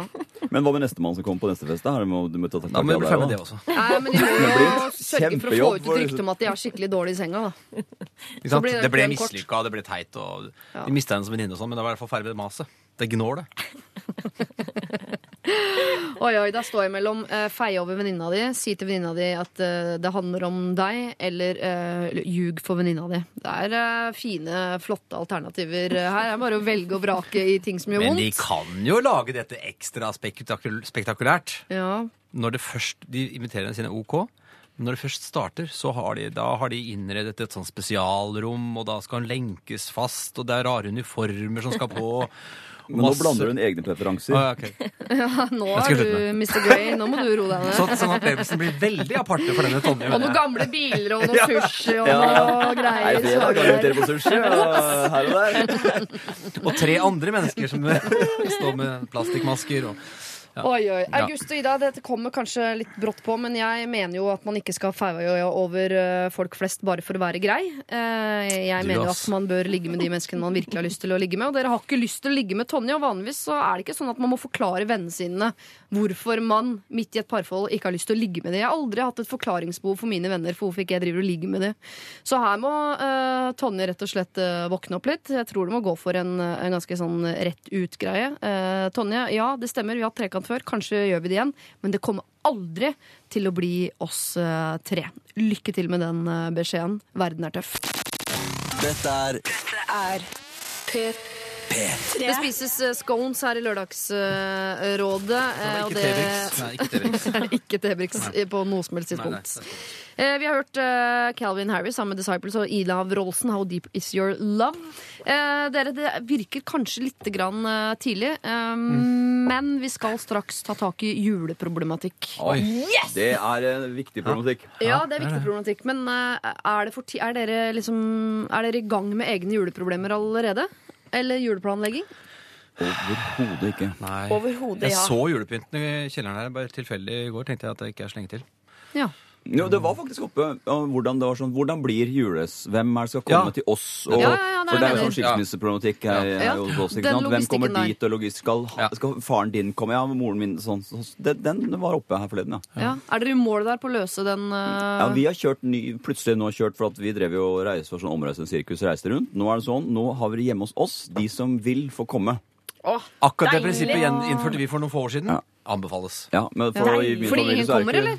Nei, fordi det kommer da helt annenhver eh, annenhver Ja, fordi på ikke riktig kommer måte. samtidig, ikke sant? Nei, det, det, det går ikke pga. Andre søsken og sånn, men, Ja. men, eh, men eh, vi, vi, vi er nå hjemme alltid, og det har skapt en helt annen ro oh, og kos. Ja, det er viktig å få en god julerutine når det er skilsmisse. Hva gjør du da, Line? Drar du hjem til Sandefjord? Larvik? Larvik? ja. Stavern. Mm, Stavern, ja.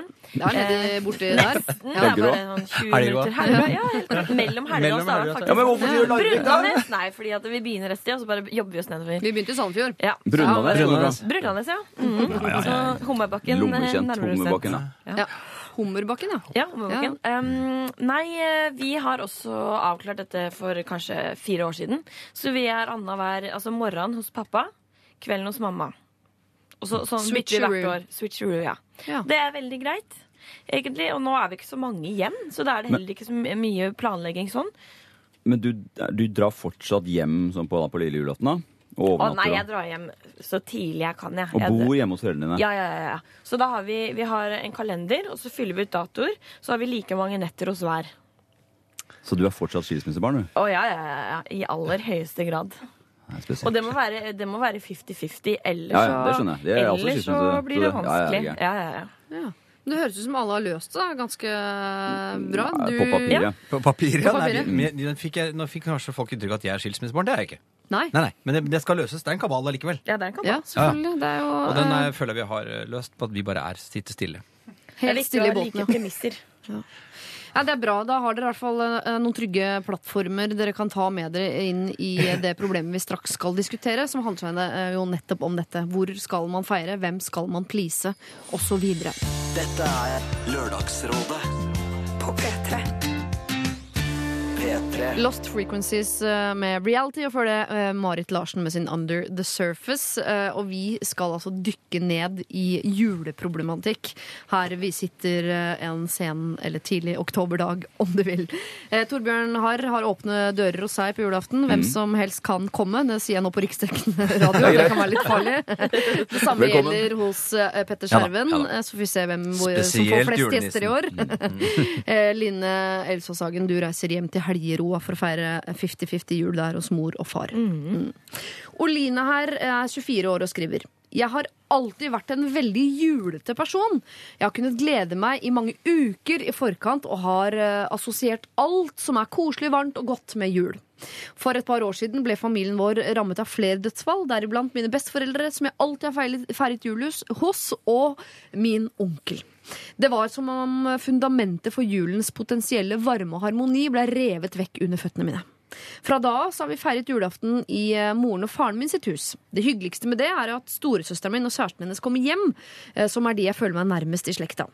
Jeg vet at man ikke kan forvente den samme julen som da man var liten, men for min del er alt jeg syns er hyggelig, skiftet ut med kjefting, materialisme, unødvendig stressing fra moren min sin side og tvangsbesøk på grava. Det er ikke som at søsteren min og jeg kommer hjem fulle av forventninger om å bli vartet opp fra lille julaften til annen juledag. Når vi er hjemme, vet vi at vi må bidra og hjelpe til med det meste for å unngå eksplosjoner. Dette året skal søsteren min feire hos foreldrene til kjæresten sin, som bor på en gudsforlatt liten øy. Sikkert Røst, tenker jeg da. Tanken på å sitte hjemme med kun mamma og pappa rundt juletreet og gi hverandre altfor dyre gaver frister lite. Derfor tenker jeg å bryte opp denne tradisjonelle julefeiringen og begynne på nytt. Jeg tenkte å jobbe på Alternativ jul i Oslo, og kjæresten min har spurt om jeg vil spise middag med de på kvelden. Jeg vet at dette kommer til å bli dårlig likt av mamma og pappa, noe jeg fikk bekreftelse på da søsteren min nevnte det for moren min på telefonen, som fnøs av det hele, og syntes det virket tåpelig og nevnte noe om at jeg er egoistisk. Jeg har for så vidt fått tilbud om å feire med søsteren min og kjæresten hennes på denne lille øyen også. Så kloke lørdagsråd. Hva gjør jeg? Skal jeg ta hensyn til den dårlige samvittigheten min? Skal jeg ta hensyn til mamma og pappa og feire enda en trist jul? Skal jeg være hos søsteren min, eller skal jeg jobbe på alternativ jul? Uansett sett så håper jeg på å få nye, gode juleminner. Klem fra Oline. Dette lukter oppvaska. Ja. Og dette her er, dette kan jeg kjenne meg igjen i dette problemet her. Ja. Det er et alvorlig problem, altså. Ja, det er dødsalvorlig. Åh, for det her, men Ja, det rører ved, rører ved mange ja, ting. Det er, eh, for det er liksom blanding av at man skal ta hensyn og leve for seg selv og Hvor, hvor, vi, vi, alder og sånn har vi ikke 24. noe på 24, ja, nettopp. Så Det er nei, brytningstid, vet ja, du. Det er, det. det er på tide. Det er på tide. 24, hun er jo en voksen dame. ja. Jo, men liksom, du har fortsatt veldig mye av øh, barndomsjula i, i med deg. Eh, Så du har ikke, du har ikke på en måte du, kan Det er jo ikke noen nye ektemenn eller barn. eller sånn, Det skal ikke lages en ny tradisjon i egen heim. Nei. Ikke ennå. Og Derfor bærer man jo med seg mye av den derre Da er man jo litt sånn, ikke stuck, men da har man liksom disse her faste tingene man ønsker å Er det ikke liksom Man man er, er barn til man har barn? Ja, det, det er- det, er, det er sånne. De sånne kompiser som jeg har som er single fortsatt, det grusomste for dem er jo den følelsen at de drar hjem til foreldrene sine på julaften. Ja, Da er de plutselig 14 år. Så er de plutselig 14 år. Det er helt forferdelig. Det er, sånn, Er det det? Ja, for det er en sånn derre OK, her sitter jeg, alle de andre har liksom Og de drar hjem på julaften. Så det, på et eller annet tidspunkt Nå er hun 24. På et eller annet gang så må hun jo uansett om hun får seg kjæreste og får en unnskyldning. Hun har kjæreste! Ja, så da kan hun jo holde på der. Men, for det kommer jo et tidspunkt hvor hun må bryte opp, så det er bare et spørsmål om tid. Så hvis hun føler at hun må gjøre det nå, så er det jo på tide. Og det å være med på sånn alternativ jul er jo den perfekte unnskyldning på en måte. da. For da, er, da prioriterer den ikke noen andre som kanskje være, kan være vondt for moren og faren. Det er vanskelig å presse inn egoisme i det, som jo Ja, mor det- og far allerede har nevnt når hun eh, vurderer å jobbe på alternativ jul. Det er vel uh, få ting jeg, som er mindre egoistiske enn det. Jeg vil si det er en god løsning for å unngå eh, konfliktene med Syns det er ganske bra idé, egentlig. Ja. Nei, jeg syns du skal legge inn en innsats på hjemmefronten her. Ja. Hun er 24 år, kommer kanskje til å få barn når hun er 27, kanskje. 28 hvis det holder med han typen. Og det er fortsatt et par julaftener det hadde vært hyggelig å kunne dra hjem. Hvis hun fortsatt er av den typen julete typen som fortsatt, som du sier, Petter, har barndommen i seg fra juletider. Eh, Jeg synes, men det kreves en oppvask. Hun må rett og slett ta en prat med foreldra sine og si sånn jeg, eh, I år jeg trives ikke sånn vi feirer jul. Enten så må vi gjøre noe med det og ha fokus på at alle skal ha det bra. Eller så er jeg såpass snill at jeg tar alternativ jul. Men hun må stille krav her til foreldra, for de må ta en oppvask. Men søsteren kommer tilbake neste år, gjør hun ikke det? Nettopp det er det jeg mener. Så det å liksom eh, gå ut nå med det grunnlaget at jeg, jeg ikke trives, det, det, det legger et dårlig grunnlag fordi kanskje nærmere tre-fire år har hun eh, potensielt sett kan ha det veldig hyggelig hjemme. For det er litt urettferdig også å forvente av foreldrene som nå plutselig er to, at de skal klare å skape den julen som hun har, eh, har hatt i oppveksten, hvor søsteren har vært der, besteforeldrene har vært der, onkelen har vært der, det har vært en hel gjeng. Det klarer ikke mor og far å erstatte ved å være de to. Men så trenger de ikke å, å, å ta bort alt det hyggelige og legge på kjefting og minimalisme og sånn på toppen her, selvfølgelig, men Men det har ikke kommet fram her. jo, jo, nå er, Å, ja. det, nå er det bare Å, ja, det var litt- kjefting og. Men altså, at, julen nå er dritt. Jeg pleier jo bare å si sånn ta det opp, diskuter det, få det på bordet osv. Men, men, men Nei. eh, hun er ganske tøff hvis hun sier til moren og faren sin vet du hva, jeg syns ikke det er noe hyggelig å feire jul sammen, så vi må gjøre det på en annen måte, mor og far. Det er, det, det er søren meg ganske tøft å men fronte ja, foreldrene sine på den er så viktig at jeg tenker at man må ta den på alvor. Og hvis ikke det er noe som fungerer, da må man si vet du hva, jeg, jeg trives ikke hjemme på julaften. Jeg vurderer å dra ut. Vi kan gjøre noe med det, eller så drar jeg ut. Kommer jeg tilbake neste år. Kan hun, kan hun uten å anklage foreldrene så veldig bare si at hun har lyst til å gjøre noe annet? Går det an å si at jeg har lyst til å bryte Dette blir en veldig annerledes jul for meg. Jeg har lyst til å gjøre, bruke anledningen til å skape en jul for andre og, og stille seg som frivillig til et eller annet. Må, må hun liksom i samme åndedraget være spydige og anklagende og, og, Stå på barrikader Ja, og rope ja. og holde på. Nei, det- Nei, det må jo ikke det. For altså, og Kan du eh, ikke på den måten klare å skape seg et, eh, et pustehull eller en form for annerledes jul og se, føle litt på noe annet? Men det som egentlig- kommer til å skje, er jo da selvfølgelig å sier mor og far da at ja, ja vel, da, Da rakner hele. Jo, da sitter jo far og jeg hjemme alene, oss to da på julaften. Det jo Ja, Da drar vi til Mallorca. Ja, da, altså hun, set, hun la jo foreldrene sine på en måte Eller de kan lett få henne til å føle at hun lar dem i stikken. Jo, det er selvfølgelig. Men uh, Men hvis Men det bare er kjefting og stressing og sånn hjemme i jula nå, eh, det er et nytt element, men sånn er det hjemme nå. Kanskje det faktisk er på god tid at foreldrene også bryter opp og finner på noe litt uh, nytt for en gangs skyld. At hun bruker det som en gyllen anledning. Sånn storesøsteren feirer nå jul et annet sted sammen med sin kjæreste. Jeg er også kjæreste. Kanskje vi dette året her bare skal ha en helt annen jul. Eh, søsteren er eh, på en øde øy. Jeg skal gjøre dette. Dere har anledning til kanskje nå for første gang i deres liv Det er nå dere skal til Gdansk, som dere alltid har snakket om at dere Ja, har lyst til. ja. Det er i år, mamma og pappa. Neste år kommer jeg, søsteren, typen søsteren, kanskje kjæresten min blir med. Neste år, dere. Da skal vi virkelig ha det hyggelig. Men i år blir det litt annerledes. åh, Det Eller? er bra, det. veldig eh, Og så, kan hun jo også spille litt på samvittighet her og si men dere kan jo bli med meg og feire alternativ jul. Ja. Sånn at foreldrene også kan bli med og bidra litt, så, så gjør de noe hyggelig sammen i hvert fall. Og så, og så føler jo kanskje foreldrene hans også de bidrar sånn at de ikke At de kommer fokus vekk fra den kranglinga. I hvert fall være på tilbudssida, eller kanskje eh, arrangere en sånn eh, pinnekjøtt tredje juledag hjemme hos meg i Oslo, med søster som da har kommet tilbake fra Røst eller en annen ødøy. eh, og at hun samler liksom troppene i bånd på en eller annen måte. Dette var du god på. Du burde drive sånn julekonsulent Ja. Skru opp i www.julekonsulent.org koster 8000 kroner i timen. OK, skal vi bare bli enige om det jeg Ja, sa, det, da? ja, det var kjempebra. Ja, det var veldig fint. Og jeg mener at for min del er liksom eh, å bli med på alternativ jul det er eneste sånn gyldig unnskyldning. eh. Ja, Det er veldig lite egoisme i å å være med på alternativ jul. Søsteren din bryter opp, du kan også bryte opp. Kanskje foreldrene dine har godt av å bryte opp. Men prøv å bevare den der julete personen du er. da. Det er som Line sier, jula er viktig, og hvis den er viktig for deg, så må du gjøre den viktig for andre. Så neste år, det blir fin jul, det. Ja, Torbjørn. Kan i hvert fall skyte inn en liten ting som jeg tenkte på når jeg leste i starten. For hun elsket jo disse besteforeldrene sine. Ja. Og hun var så glad i denne onkelen, tror jeg, som mm. alle dessverre er døde. Men hun hater tvangsbesøk på graven. Så det la jeg bare merke til. At det er ikke så mye empati i ettertid. Men det kan hun ta. Er en annen diskusjon. Men der er jeg helt på side. Jeg er veldig veldig glad i veldig mange som er i, i live, men jeg har et veldig avslappet forhold til død. Folk som er døde. Er døde. Eh, Så det syns jeg er helt greit. Besøke grav. eh, Jeg kan bare si fra på vegne eh, Jeg sier fra nå, jeg før dere dør, hvis dere hører på dere familien min. Kommer ikke til å gå så mye på grava, dessverre. Sånn er det bare. Takk for meg. P3.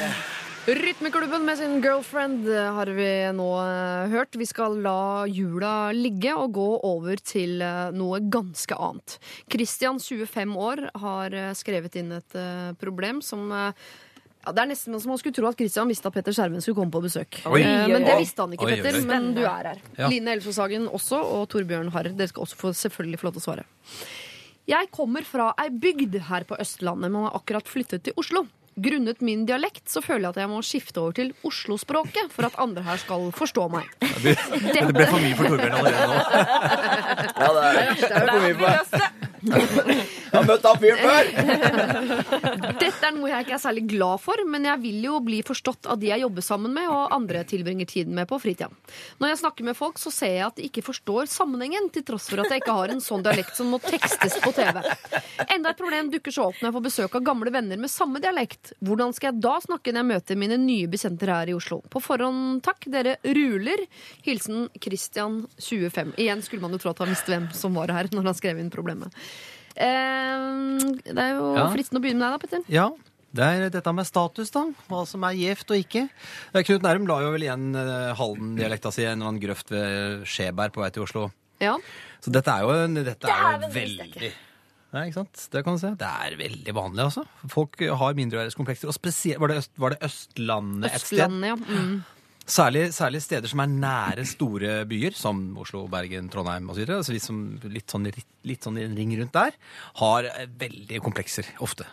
Lett. De legger på seg selv veldig strenge krav til de, hvordan de skal fremstå, og vil være ordentlige folk og prate sånn som byfolka gjør. Og, så, og det er, dette har liksom eksistert i lang tid. Ja, for det er jo ikke så vanlig når folk fra Finnmark flytter inn til Oslo, så, det, så snakker de jo Da øh, funker ofte en annen mekanisme. ja. Men hvis du, hvis du er liksom i sånn randsonen rundt store bysentra, så har man veldig lett for å For det første flytter man til byen for man vil bli mer urban, eller for der skjer alt det gøye. Ja. Og så vil man på en måte høre til den bygjengen, og så av en eller annen merkelig grunn så skjer den kortslutningen at man bare på et eh, blunk legge fra seg det derre traurige tre mil utenfor Oslo-målet. Men han, Som- ja. han påstår jo at ikke det er noe han gjør fordi, for å føle seg kul, men han påstår at folk ikke forstår dialekten. Og da er jeg nysgjerrig på Fins det dialekter på Østlandet kan som vi ikke tenke. forstår? Det må være vikarierende, såkalt vikarierende forklaring eller vikarierende motiver for å legge fra seg dialekten. Det, er- det, det, det tror jeg nesten ikke på.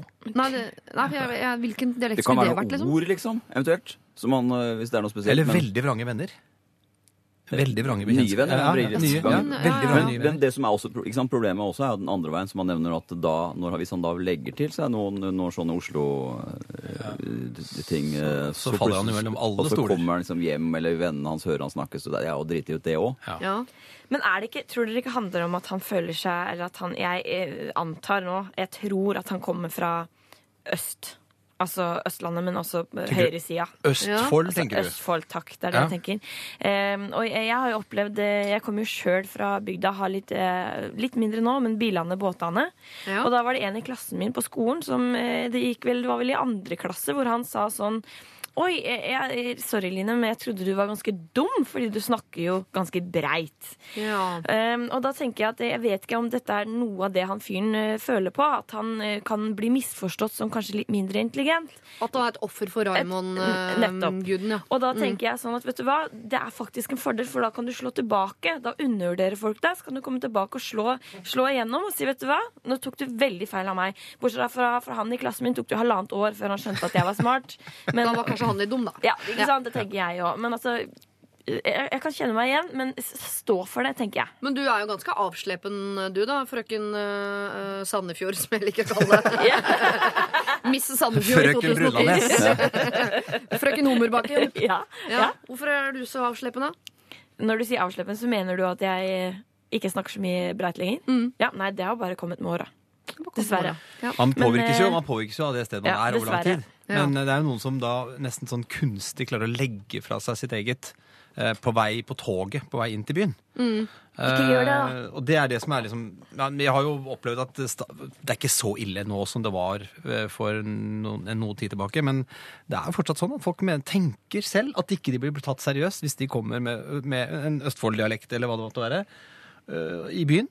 Eh, Ja, altså, jeg tror man har noen vrangforestillinger der. Jeg vet ikke. Ja, for jeg er vel Oslo-borgere, både uh, Petter og du, Torbjørn. Ja, jeg, Oslo- sånn- jeg sitter litt stille her akkurat nå. For at jeg, jeg, jeg, når jeg, da jeg gikk på teaterskolen, så var det sånn at må man ha de som snakker uh, sånn som vi gjør i Oslo. Trengte liksom ikke sånn språkovergang som de klarte. Men alle som hadde dialekt, måtte lære seg å snakke på en måte sånn eh, Det som man dessverre kaller vanlig, men det er helt forferdelig. Men det som språket som vi snakker her i Oslo. Ja. Eh, og da var det så ekstremt sånn, Det er så sterke emosjonelle ting som foregår blant de som da måtte på en måte, De kunne jo snakke direkten sin så mye de ville, men de måtte også bare det at de måtte lære å snakke Oslo-dialekt, var en sånn sterkt sånn emosjonell ting for dem som er rett og slett for meg vanskelig å forstå. Hei, hei, vi har gått gjennom noen års skolegang med spynorsk tredd nedover ørene. Vi, eh, Jo, men, da var, jo, men da var vi på høyden. Vi visste jo liksom at nynorsk var Vi var på høyden i forhold til nynorsk, liksom. Det var Ja. bare noe dritt vi måtte lære. ja, ja, ja, ja. Mens eh, jeg vet ikke, det er som om hvis man Jeg er så flytta imot til spynorsk ennå. jeg. Spynorsk mordliste, var det? Ja, jeg er så imot det. Det er sånn Men det er det- man tror man skal vokse av seg. Jeg er 37 år. Jeg står for min, uh, min misnøye med spynorsk i, i undervisningsplanen. Men er det så um, Hvis han Sånn som du har gjort, som Du har jo formildnet, eller hva det heter for noe? Hva kalte du det? Du har kalte det. Avslepet. Avslepet dialekt. Det er, er, føler du at det egentlig er litt Du ville egentlig hatt den dialekten du har? Ja, jeg syns det er hyggelig. Du synes syns det er dumt at du har blitt Ja, avsleppet? jeg kjenner det når jeg kommer hjem og møter eh, min gamle kjæreste fra barneskolen, eksempel. Han snakker bilære og båtære og ungene og sånn. Syns jeg det er veldig hyggelig. Men slår Men du over kan, da, du kan Ja, fortsatt jeg slår over. Ja, så du har Uten vilje. jo to Men er det så dumt å slå over, egentlig? Nei, det, jeg syns bare det er hyggelig. Men jeg kunne ønske at jeg hadde bevart språket mitt litt mer, bare fordi jeg syns det er koselig med den eh, identiteten min fra landet. Ja. Vi hører den litt ennå, altså. Hva, Ja, ja da. ja. Men, Ja, eh, det, det, det- dreier seg litt, Man må koble det litt mot selvbildet òg, tenker jeg. Ja. Eh, Fordi jeg tror hvis du eh, noen har denne, denne ryggraden er så rank og strank at den liksom bærer med seg ting hvor det skulle være. Og man slår litt over, man tar litt fra noen andre, man har et ganske avslappa forhold til det. Noen kjører selvfølgelig veldig sånn hardcore gudbrandsdialekten hvor enn de skulle befinne seg i landet. Andre gjør det ikke. Men den, denne, dette er dilemmaet dilemma med at man plutselig føler at man må please noen, eller at man må legge om for å ikke virke, ikke virke dum, eller for å gjøre seg forstått. Det, er på en måte, det virker som det, man ikke har helt selvtilliten på plass heller, da. Nei, Eh, og da rett og kan, det kan jo hende at vi, vi Oslo-folk oppleves som ganske sånn snobbete. Da. Det må jeg spørre deg om, Line, i så fall, om vi gjør det. Det hvis du tør å svare nå i en ring av Oslo-folk. ja, ja. Er vi så snobbete og vanskelige folk? Nei, jeg syns ikke det. Men det er kanskje noen ganger at eh, Jeg tror heller det når folk ikke hører, så er det bare fordi de ikke lytter, tror jeg da. Ja. Altså, og det er Jeg tror det å forstå er ikke men, men jeg må jo si sånn, dette er jo veldig politisk ukorrekt, liksom, men jeg må jo av og til så, så møter jeg folk som Hvis jeg møter folk med dialekt, helt topp, og møter folk som snakker øh, om de kommer fra Sarpsborg, liksom. Jeg har familie der selv, det er topp, men av og til møter jeg folk som jeg på en måte merker, selv om de har bodd i Oslo i 15 år, så tviholder de på en sånn dialekt. Eh, og da blir jeg litt sånn Nei, men du, kom igjen, da. Det er ikke, for at det er så mange rare ord og så greier, så det blir sånn Det blir påtatt også. Så jeg syns ikke det er noe Ja, Ja, det er helt at- klart for det, og da merker jeg sånn at de, har, de er så veldig, veldig dem, den dialekten. Ja. Eh, Ja, det er litt irriterende, faktisk. Og det er irriterende, altså. Så jeg og det å skli sakte over, det er jo fordi man lever i det Man blir jo påvirket av det man er sammen med. Det er jo sånn og jeg snakker sånn som jeg snakker fordi at jeg har mine venner, og vi snakker sånn. Ja. Så at jeg syns ikke det å skli sakte, men sikkert over og, og bli en del av da man bor, er så veldig negativt, egentlig. Men kan vi ikke si det da til Christian, 25 år, som har flytta til Oslo fra Østlandet, at eh, nei, du skal ikke ta et valg på at du skal uh, ta bort dialekten din. For all del mener jeg bevare dialekten din. Det er noe av det mest sjarmerende jeg vet om, er jo uh, nesten, med unntak av én dialekt, syns jeg alle dialekter i Norge er helt fantastiske. Mm, og er gutter med uh, den ikke liker. Mm. Det er dessverre Grimstad. Eh, men all annen dialekt der ute syns jeg er helt nydelig, nydelig, nydelig sjarmerende. Eh, så ikke, ikke ta et valg ved å legge det bort, men hvis du har bodd i Oslo lenge og det gradvis liksom slipes litt ned, sånn som har skjedd med Line her, så er jo det eh, naturlig og forståelig, og også litt ønsket, av hvert fall av Torbjørn Harr. Kan jo da ønsket! Ja, men det, det er jo Det er, det, det, det er sånn jeg hø- Det er, eh, det er noe med identiteten. det det jeg, mener at hvis, Hvis det er, jeg merker noen hvem, Hvis man stiller spørsmålet 'Hvem er du?' Ja. så er det noen som svarer på det. Jeg er en som bor i Oslo, men jeg er egentlig fra Stavanger. Jeg er liksom, Det er identiteten hvor man kommer Ja, fra. ja. Og det bør man slippe litt. Jeg spurte ikke om hvor du ble født. bo- Nei, det er fordelen med å bo i en stor by. alle er velkomne, liksom. Her er vi Det er ikke hvor du kommer fra. Det er, Nei, har du bodd det- i Oslo i 20 år, så er vel det en del av deg òg. Ja, det, da bør det være Altså, det er, det er ikke viktig, liksom. Nei. Ok, da, eh, Det er gøy at det er her det blir temperatur på dialektrunden. Er det noe? Julefeiring og trekanter, og folk skylder andre penger. Men med en gang det er dialekt Ok, Kristian, Takk for at du har fått opp temperaturen her i Lørdagsrådet. Eh, For all del, ikke ta bort dialekten din selv om du eh, flytter.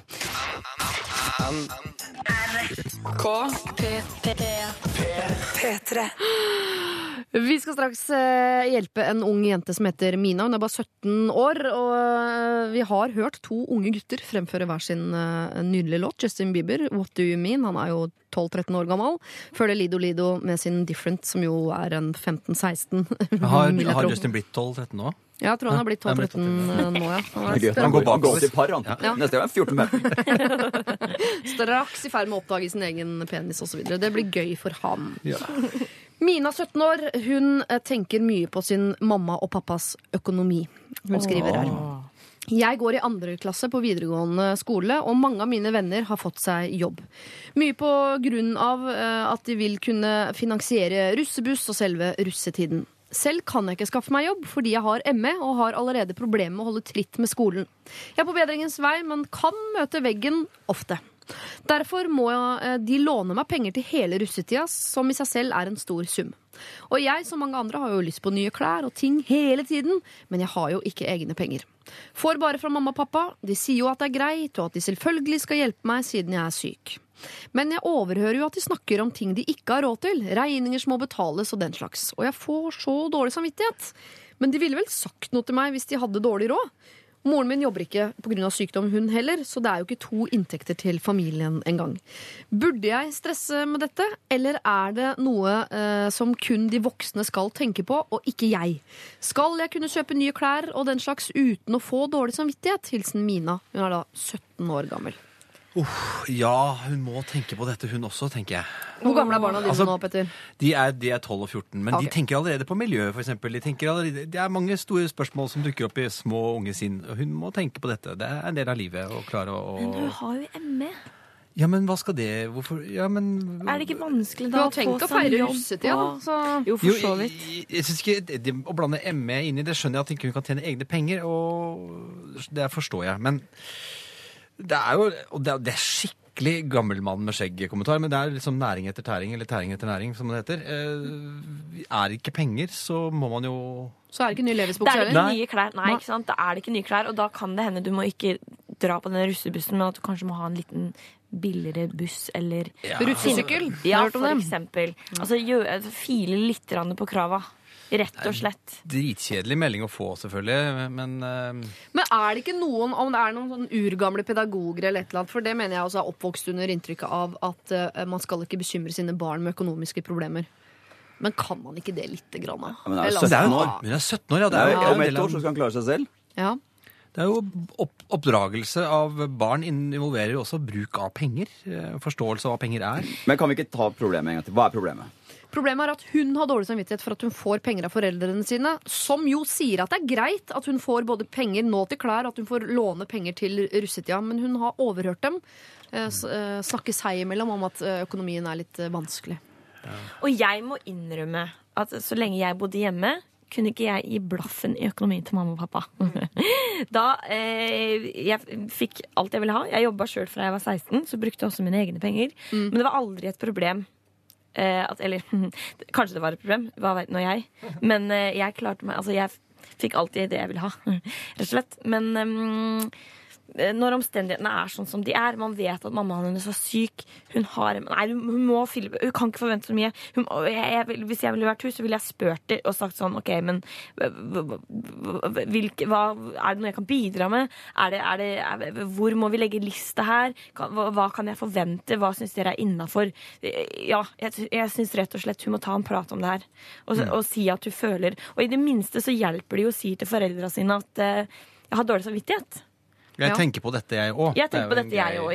Ja. For hun fremstår jo som meget pluss sympatisk når hun er Nettopp. bekymret på uh, sine foreldres vegne. For det er jo veldig mange som, uh, som deg, da, Line, og sikkert meg også, som bare tar imot penger med den største selvfølge. Altså, jeg fikk penger til ukeskort av mamma hver uke. Sneik en uke, brukte pengene på pils. Altså, sånn, det er jo noen som ikke har- eier en bekymring i verden på uh, sine mors vegne, selv om hun sover på en madrass på stua også i det hele tatt. Så eh, Mina er jo et mye bedre menneske enn meg og deg, Line. Helt klart. Eh, eh, men hun skal ta en prat med dem, eller? Hva tenker du, Torbjørn? Nei øh, Jeg har hengt meg opp i det Nei, nei jeg, jeg, jeg, jeg, Hun må Hvis hun Dette blir veldig vanskelig å få svare på meg, for jeg har hengt meg opp i det ME-greiene som jeg ikke skal snakke øh, så mye om. Ja, vet Du hva, du kan Eh, få lov å henge deg opp i istedenfor. At hun har ME, er at hun har problemer med å holde tritt på skolen, og så driter vi hvorfor hun har problemer med det. Men hvis du som forelder ser at uh, datteren din har vanskeligheter på skolen, så har du ikke lyst til å pålegge de flere ting som tar tiden bort fra lekser. Nei, Som så altså, hvis, hun, hvis hun får hun får penger av foreldrene sine. Ja. Hun ser at mange andre av hennes venninner og venner jobber og tjener penger selv og bruker Ja. de pengene. Mens hun får penger av foreldrene sine. Mm. Og, og da har hun dårlig samvittighet fordi at hun lurer på om foreldrene har dårlig råd. De har rett dårlig råd. Det har de. Ja. Ja. Eh, men uh, da må hun for å Da vet hun jo at hvis alle de pengene hun tar for foreldrene, det går utover foreldrenes økonomi. Mm. Så da må hun enten ta et liksom, da må, Vi holder ikke av dårlig samvittighet, da må man gjøre noe. Mm. Så må man si OK, fronte foreldrene. Hvor mye, hvordan er situasjonen? Hvor mye penger kan dere av seg? Så, så kan vi diskutere på den måten. For det er litt sånn der å si at det, hun, det fritar henne litt fra ansvaret å si at jeg har så dårlig samvittighet, men jeg kan ikke jobbe. Hun må fronte det og si Kanskje hun ikke kan få så mye penger fra foreldrene sine? Og så tenker jeg setningen der, og jeg som mange andre har jo lyst på nye klær og ting hele tiden. Hele tiden, ja. Jeg har også lyst på ting hele tiden, og jo før man lærer det at selv om du har lyst på ting hele tiden, så betyr det ikke at du kan få det, jo bedre. Jeg driver og lærer meg det nå. Behovsutsettelse heter det. og det er Hvis man klarer å utsette og tilfredsstille sine egne behov, så blir man et lykkeligere menneske, rett og slett. Det er Ja. en god ting for et menneske å klare å utsette. Men så er det jo litt urettferdig, da, fordi mange av hennes venninner som du sier, eh, har jo en jobb, og det går fint. Det kan ikke hun akkurat nå. Litt fordi eh, selvfølgelig at hun ikke holder tritt på skolen, men også for hun vet ikke om hun kan Uh, egentlig fullføre en jobb, for plutselig en dag så kan hun ikke komme på jobben, eller neste den uka er en dårlig uke, så kan hun ikke jobbe og sånn. Men det må jo gå an å sette opp en eller annen slags arbeidsavtale hjemme, tenker jeg, som er sånn uh, For hver gang du gjør dette, så får du så og så mye. Eh, Det vil si at I gode perioder så kan hun tjene ganske mye penger hvis hun setter ut og inn av oppvaskmaskinen fire-fem ganger om dagen. som jo er, mulig. Bidra når hun kan, ja. Ja, Mm. mens i de periodene hvor jeg, i dag orker jeg ikke å ta og sette uh, inn i oppvaskmaskinen eller gå ut med søpla. Nei vel, det er helt greit, da gjør jeg det selv. Men da blir det eh, lenger til neste Levis-bukse, på en måte. Så er det noen realiteter her. Altså, det er åpenbart én inntekt i huset Mm. og to syke mennesker.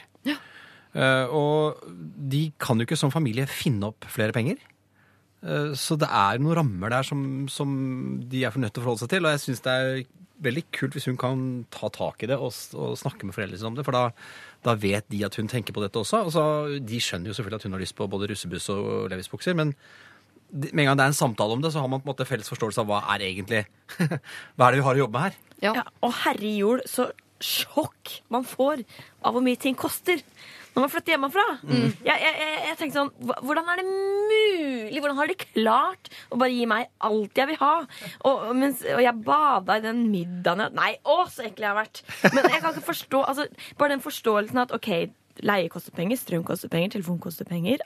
Altså Bare det å få en innblikk i hva, hva ting faktisk koster, tror jeg også hjelper mye, for da vil man automatisk tenke OK, men da kan ikke jeg kreve den buksa. Jeg husker jeg tenkte sånn, ja, men jeg har jo observert min mor gå og trykke på noen knapper på en vegg, og så spruter det ut hundrelapper. Kan du ikke bare gå til den veggen og trykke på de knappene litt oftere, da? Så får vi flere av de hundrelappene. Til jeg skjønte at du må jo fylle minibanken også med penger. Kjedelig Det er så kjedelig når man oppdager det greiene der. det er. Du, eh, kjære Mina, det her ligger egentlig alt til rette for at dette skal gå veldig veldig bra. Eh, Du har to foreldre som ønsker ditt beste, helt tydeligvis. Du også ønsker det beste for deg selv, men også dine foreldre. Og i det landskapet der så burde det gå an å få opp en eller annen dialog på eh, hvordan du skal få noe av det du har lyst på, men at ikke det skal gå utover økonomien til foreldrene dine.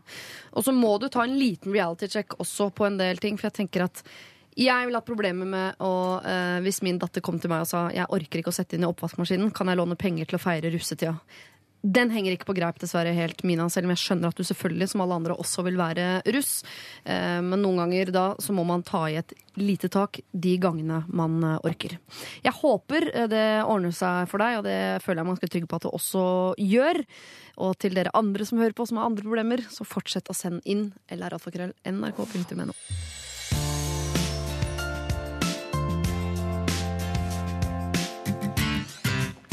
Kygo sammen med Will Heard, det der var Nothing Left. Og jeg syns det er en veldig morsom låt, fordi det er en typisk låt når man hører den på fest, så reiser eh, 70 av lokalsalen opp og tenker sånn Woo! Favorittlåt, nå skal det danses. Og så kommer man ut på dansegulvet, og så sånn ca. 30 sekunder ut i det, så merker man at men det går da ikke an å danse til dette. Man tror det er en partylåt, og det er det jo, men den går altså så sakte at hvis du skal danse dette her, da foreslår jeg Reka eller paredans for å danse og være kul til det greiene her. Det, det tror jeg skal glemmes. Neste gang du reiser deg og roper Wee! til eh, etter at noen har satt på denne Kygo-låta, så uh, la det bli med det. Rop We, og så setter du deg ned igjen, og så danser du til en annen låt litt seinere. Fordi sjansen for at du kommer til å se ordentlig teit ut til Nothing Left, den er ganske stor. Eh, jeg ville bare eh, si til deg at eh, du nå kan eh, gå inn på din mobiltelefon eh, og se på bildet av dagens rådgivere. Vi har lagt det både på Instagram og på Facebook. Eh, og er du vår venn på Facebook, så kan du jo ikke bare se på dette bildet. Du må jo gjerne kommentere, sende inn problemer, gjøre hva du vil. Men det beste av alt er at der har du muligheten til å vinne kopp en gang i uka. Jeg legger ut en artig liten gåte på hvem som er neste ukes rådgivere. Og er du førstemann til å gjette den gåta, eh, ja, så er du den heldige eier av en Lørdagsrådet-kopp. Andre måten å gjøre det på er selvfølgelig å sende inn et problem, eller alfakrøll.nrk.no, og vinne eh, rådgivernes hjerter på den eh, måten. Vi skal straks ha et bryllupsproblem. Før det Chinook. Dette er Dancing in Flames. Er P3. Chinook med sin 'Dancing in Flames' eh, hørte vi der. Og vi skal over til et eh, meget kort problem. Dagens korteste problem, eh, men kanskje et problem som eh, det er mye erfaringer med i dette rommet. Kort problem, er det sånn ja eller nei? Altså, man, så er det ferdig? Mm, det skal være mulig å svare ja eller nei her, ja. Ah, ok. Eh, Men da er du en utrolig dårlig rådgiver, Petter. Det spørs om du kommer Nei, igjen. jeg bare tenkte på det var en sånn instant. Men hvis det er noe, eh, er noe det det sted i dag hvor det er rom for ja og nei, eh, så er det vel her, vil jeg tro. Man kjenner seg igjen uansett alder også. Ja, det vil jeg påstå. Eh, Line Elvsåshagen, Torbjørn Harr og Petter Skjerven eh, møt Robert og Fredrikke. De er 26 år gamle. Hei, Robert og Fredrikke. Hei. Faen! Hjelp! Er det greit å forvente at vi bruker flerfoldige tusen på fly en uke til Latin-Amerika i bryllup i sommerferien? De har ikke så mange venner og liker oss bedre enn vi liker dem. Er vi egoistiske? Hvordan sier man nei? Her, altså, jeg hva sa du nå? Altså, de, De skal, er de bor i Latina... Nei, de bor i Norge, og så er de da invitert på Og det er det jeg mener at det sikkert er erfaringer på. Invitert på Ja. ikke et sånn bryllup borti gata, men i et annet land, så du må Det- fly, bo på hotell Det, det går an å svare. Det går an å svare Ja, med ett ord her. ja. Det er ja. Det er greit å si nei. ja, det er greit å si nei, Ja, er du gæren? men de har ikke så mange venner og Jeg har aldri forstått det her. Jeg har aldri vært i bryllup før. Men jeg har aldri forstått det her når folk bare Ja, og så skal vi feire bryllup i Malaysia, og det koster sånn 40 000 å dra dit. Er det dårlig gjort, Det altså? er, det er dårlig gjort. Hva, hva, hva kan man kreve av sine gjester? Jeg syns det er helt hårreisende. Det sånn, man kan kreve sånn Ja, la oss ta en tur til Røros, så koster det kanskje 2000 kroner. Bare det er irriterende, skal jeg si deg. Ja. At det er bryllup på Røros. Ja, vi skal feire opp på Røros. Hvorfor det? Feir der dere bor! Der vi bor! Ja, nei, men jeg, jeg, jeg bare, nei, jeg syns det er snodig hva man tør å tillate seg å eh, invitere folk på. Altså. Jeg syns det er rart. Ja, men Er man Stordalen og, og har flyet klart og, og Ja. alt på stell, så ja vel. Ja, da er det For da er det jo flott. inviterer man? Ja. Det ligger i ordet, det. Ja. Jeg inviterer. Ja. Nettopp. Ja, det, jeg inviterer, og dere skal betale. Men, nei, For nei, ja, nei. men eh, det er jo ikke, jeg syns ikke det er fre- på- Man er ikke frekt av det Det er ikke brudeparet. frekt, men Men jeg det, er- de syns kan det er rart. overhodet ikke forvente at man skal si ja til det. For sier du ja til det, så imot. sier du også ja til De kommer jo ikke unna uten å bruke 10 000-12 000. Nei, nei, Minst. nei, nei, nei, Mye nei, mer. nei, nei, nei. De, de får Så- jo helt sikkert ikke hotell heller. Så de må jo bo på hotell òg. Ja. Så, så hva, de skal altså da Det å få si ja til det bryllupet er å si ja til en må, halv månedslønn ut for en gjennomsnittsarbeid er. Men kan noen forklare meg hva man Ja, tenker? og de ikke er så gode venner. Men jeg, for jeg tenker sånn veldig Det, som, det, um, det, det må jo opp- Det er en del som reiser bort og gifter seg f.eks. I, i et annet land. Bare noen få, bare kanskje par og gjør det. Det er selvfølgelig helt topp. Det, man må få lov å gifte seg sånn som man selv vil. ja, ja, ja.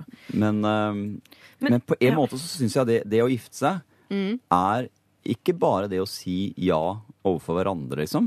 Å si det store ja. Men det er jo overfor alle andre som betyr noe i livet. Si 'dette, folkens, er mitt valg'. For det er da det gjelder. Når man har sagt det ut i verden.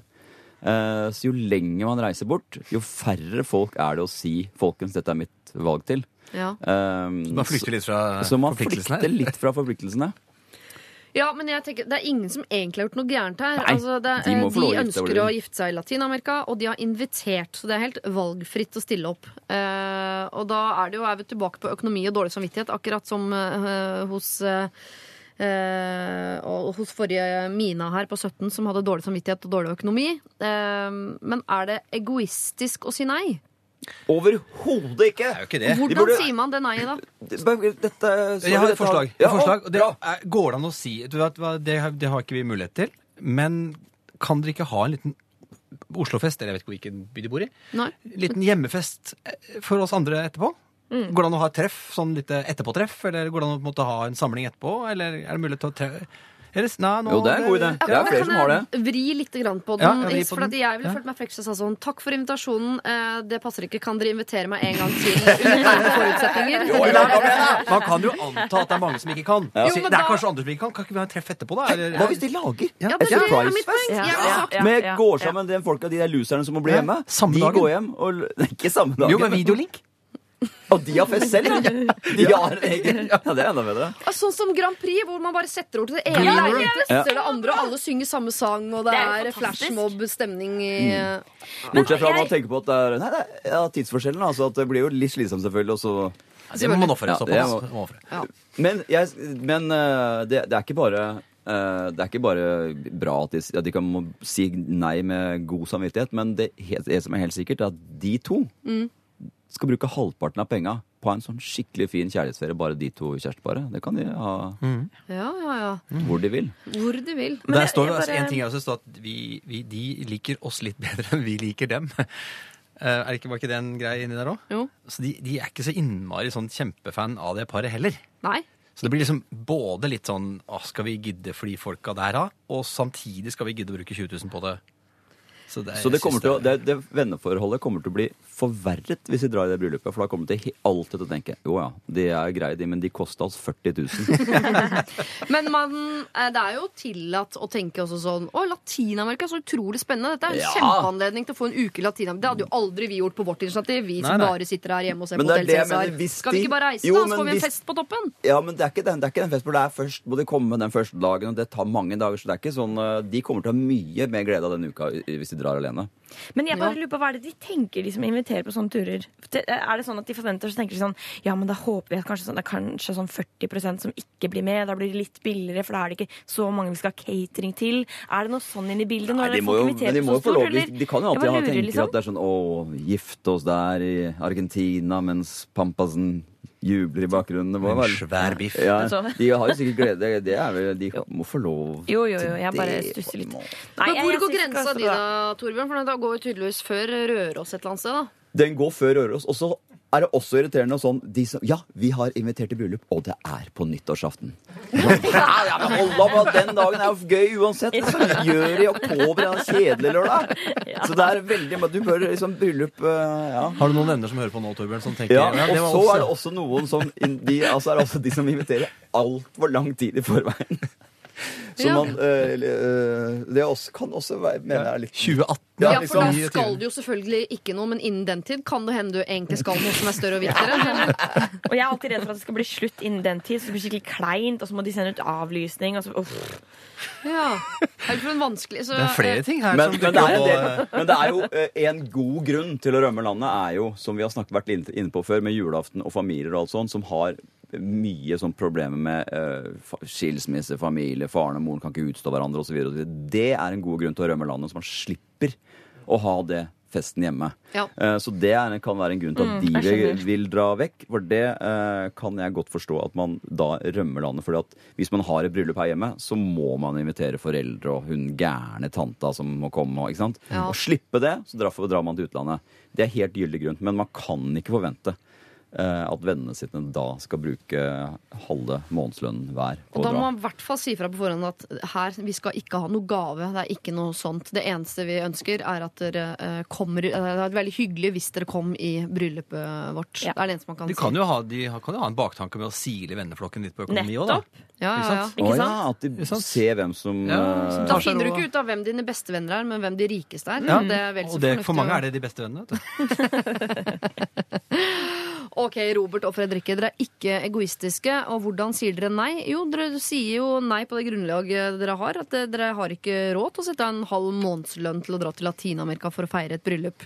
Og så syns jeg dere skal eh, gjøre nesten det Petter Skjerven sa, ved å uh, ha en fest når de kommer hjem igjen. Bare ikke be de om å arrangere. Dere kan gjøre det. Dere kan ta en liten sånn samling hos dere sånn, eh, med en kake og to glass cava for å feire at de har giftet seg når de kommer hjem. Det tror jeg er mer enn nok for dette brudeparet som skal gifte seg i Latin-Amerika. Og til alle andre som hører på, eh, hvis dere vil at eh, Torbjørn Harr skal komme i bryllupet deres, så bør det foregå i Oslo, i nærheten av der Torbjørn bor. Helst i oktober, gjerne en onsdag hvor det ikke skjer noen ting annet som kan være NRK gøy. opererer med sånn kostgrense, er det ikke det? Hvis du reiser lenger enn så så langt, så blir det mye mer å betale. Innafor kostgrensa. Oi, oi, jeg beklager, alle. Og til dere, unnskyld. eh, til det venneparet ditt som giftet seg på nyttårsaften eh, på Røros. De gifta seg på nyttårsaften i København. Ja, det høres ut som en nydelig dag, spør du meg. Akkurat sånn vil jeg ha det. Dette er er P3. Nico Vince sammen med Kid Ink og BB Rexa, det var That's How You Know, og før det Muse med sin Uprising. Det eneste som gjenstår for oss å gjøre, folkens, er å dele ut en Lørdagsrådet-kopp til Ja. den eller de som har beveget dere mest i dag av en eller annen grunn. Eh, vi startet eh, friskt ut morgenen i dag eh, med et problem fra Heidi, som lurte på om Ole hadde forpliktelsesangst, eh, eller om hun bare skulle droppe hele fyren og lete etter en annen mann. Vi gikk videre med eh, Berit, som har solgt noen ting hun har sydd og strikket via sin Instagram-profil. Nå eh, er det en som skylder henne 700 kroner, og det ser ikke ut som hun har tenkt å betale. Hva gjør man med det? Eh, vi har eh, Ane her, som har en venn i vennegjengen. Hun er ikke nærmest denne vennen, men han har trukket seg helt tilbake fra både venneflokk og fra skole og alt. Og hun lurer på om hun kan gå inn og eh, redde han på en eller annen måte. August og Ida har et trekantproblem. Eh, De er åpne for konseptet, men ikke med Tonje. Helst ikke. Æsj, Tonje! Ikke den. Oline er usikker på hvor hun skal feire jul i år. Må hun dra hjem til sin mor og sin far og ha en litt eh, begredelig jul sammen med de, bare av dårlig samvittighet? Eller er det i år hun kan ha muligheten til å eh, gjøre en endring? Kristian har flytta til Oslo. Må han legge igjen dialekta si på Østlandet, der han kommer fra? Nei, var vel det korte svaret på det. Mina er bekymret for sine foreldres økonomi. Samtidig vil hun feire russetid, og hun vil ha nye ting og nye klær hele tiden. Kan, eller skal man reise på bryllup langt, langt, langt på andre siden av jordkloden, eller kan man rett og slett bare si eh, nei? Ja. Hvem får kopp, syns dere? Det er fristende å gi koppen til hun som ikke får være med i Trekant, da. Av Ton, ja. Ja, får ja. Suttekoppen får. Jeg syns Strikke-Berit skal få den, jeg. Strikke-Berit som, som en liten trøst for at du ikke fikk de 700 kronene. Så kan du i hvert fall få en kopp fra Lørdagsrådet. Da har hun på en måte bare, det er bare 650 som hun trenger å få igjen. Ja, for eksempel. Hei, hei. Men ikke altså- prisene koppene til. Men altså, det var jo en som hadde konkret bruk for en kopp. Ja, det er det. Det er hun som Det er- skal redde denne For hun har bruk, den, han som er hun igjen har som kommer bruk for en til kaffekopp. Og hun kan Ensomhet. på Hun har bruk for en Ja. kaffekopp. Som skal ta han ut av ensomheten nydelig, med, med Lørdagsrådet. Er dere en rapptrio, eller hva er det som skjer her? Er det en rap-trio? Rap-trio? Ja, dere bare snakket, alle tre snakket samtidig. Oh, ja. Line, Nei, men det Torbjørn og Petter. at eh, jeg tenkte sånn at nå snakker vi litt om de andre. Fordi at mm. alle vet det er hun som skal få den koppen. Det er hun som skal gå med den koppen til eh, han kameraten som eh, vi tror ikke har det så bra. Ja. Og ta en kaffekopp. Og så kan det være en ekstra oppmuntring til Ane om at hun da faktisk går til han kameraten som ikke har det bra, og sier eh, hvorfor har du det ikke bra. Og da kan du, s- du kan jo Det er jo en perfekt innledning. det. Du kan fortelle om alt dette her. Kanskje kan høre på programmet sammen. Å ja, så outa meg på radio. Konge. Kom deg vekk! Men jeg pleier jo ikke profesjonelt å være av den rause typen som deler ut eh, flere enn én kopp. Men kanskje eh, dette er dagen da vi skal åpne Oi! for to kopper. To kopper. At Ane får en til seg, og hun får en til denne gutten. Så hun går bort med eh, to kopper, så drikker de kaffe fra hver sin. Kjempeidé. Det er en veldig koselig idé. Men jeg er ikke så raus i dag. Nei. det var tull. lurte du oss, jammen meg. Nei, men det ligger, Jeg legger det i potten, så hvis dere går for Ane, så blir det to kopper altså til Ane og denne vennen som er i ferd med å forsvinne. Det Det blir klart, og vi ønsker Ane all mulig lykke til. Og hvis hun virkelig tør å gjøre det, så er hun skikkelig tøff. Ja. Og det lønner seg. Vi vil ha en tilbakemelding av deg, Anne, på hva du velger å gjøre. Eh, hvordan det gikk, hvordan det går med deg, hvordan det går med han, og i det hele tatt. Dette må du sende til, eh, til meg, eller alfakrøll.nrk.no. Det gjelder dere andre også, selvfølgelig. Vi lurer på hvordan det går med dere. Tusen takk til eh, Petter, Line og Torbjørn. Det har vært en eh, fortreffelig lørdagsmorgen. Ja, for, for det. takk. Forfriskende start. Ja, det er absolutt noe å tenke på. Gå ut i dagen og nyt resten. Ja. Ja. P3 Dette er Lørdagsrådet på P3. P3. Astrid S med sin eh, Hyde var eh, det, og det gjenstår for meg å si at Lørdagsrådet er tilbake om en uke. Hvem som er rådgivere, det veit jeg, men det har jeg ikke tenkt til å si. Måten å finne ut av det på er å følge oss på Facebook og gjette på gåta som eh, jeg legger ut der tidlig til uka. Eller selvfølgelig skru på om en uke og høre med dine egne ører. Klarer du ikke å vente så lenge, så last ned vår podkast. Den er gratis, som podkaster flest, og døgnåpen på alle mulige måter. Takk til Dr. Jones, som står for produsering og spakmiksing her i dag. Denne sendingen er produsert av David og Goliat for NRK. Og nå skal vi høre Beastie Boys sin Intergalactic opp mot nyhetene. Etter nyhetene lunsjkake. Ha det! Dette er Dette er P3. P3.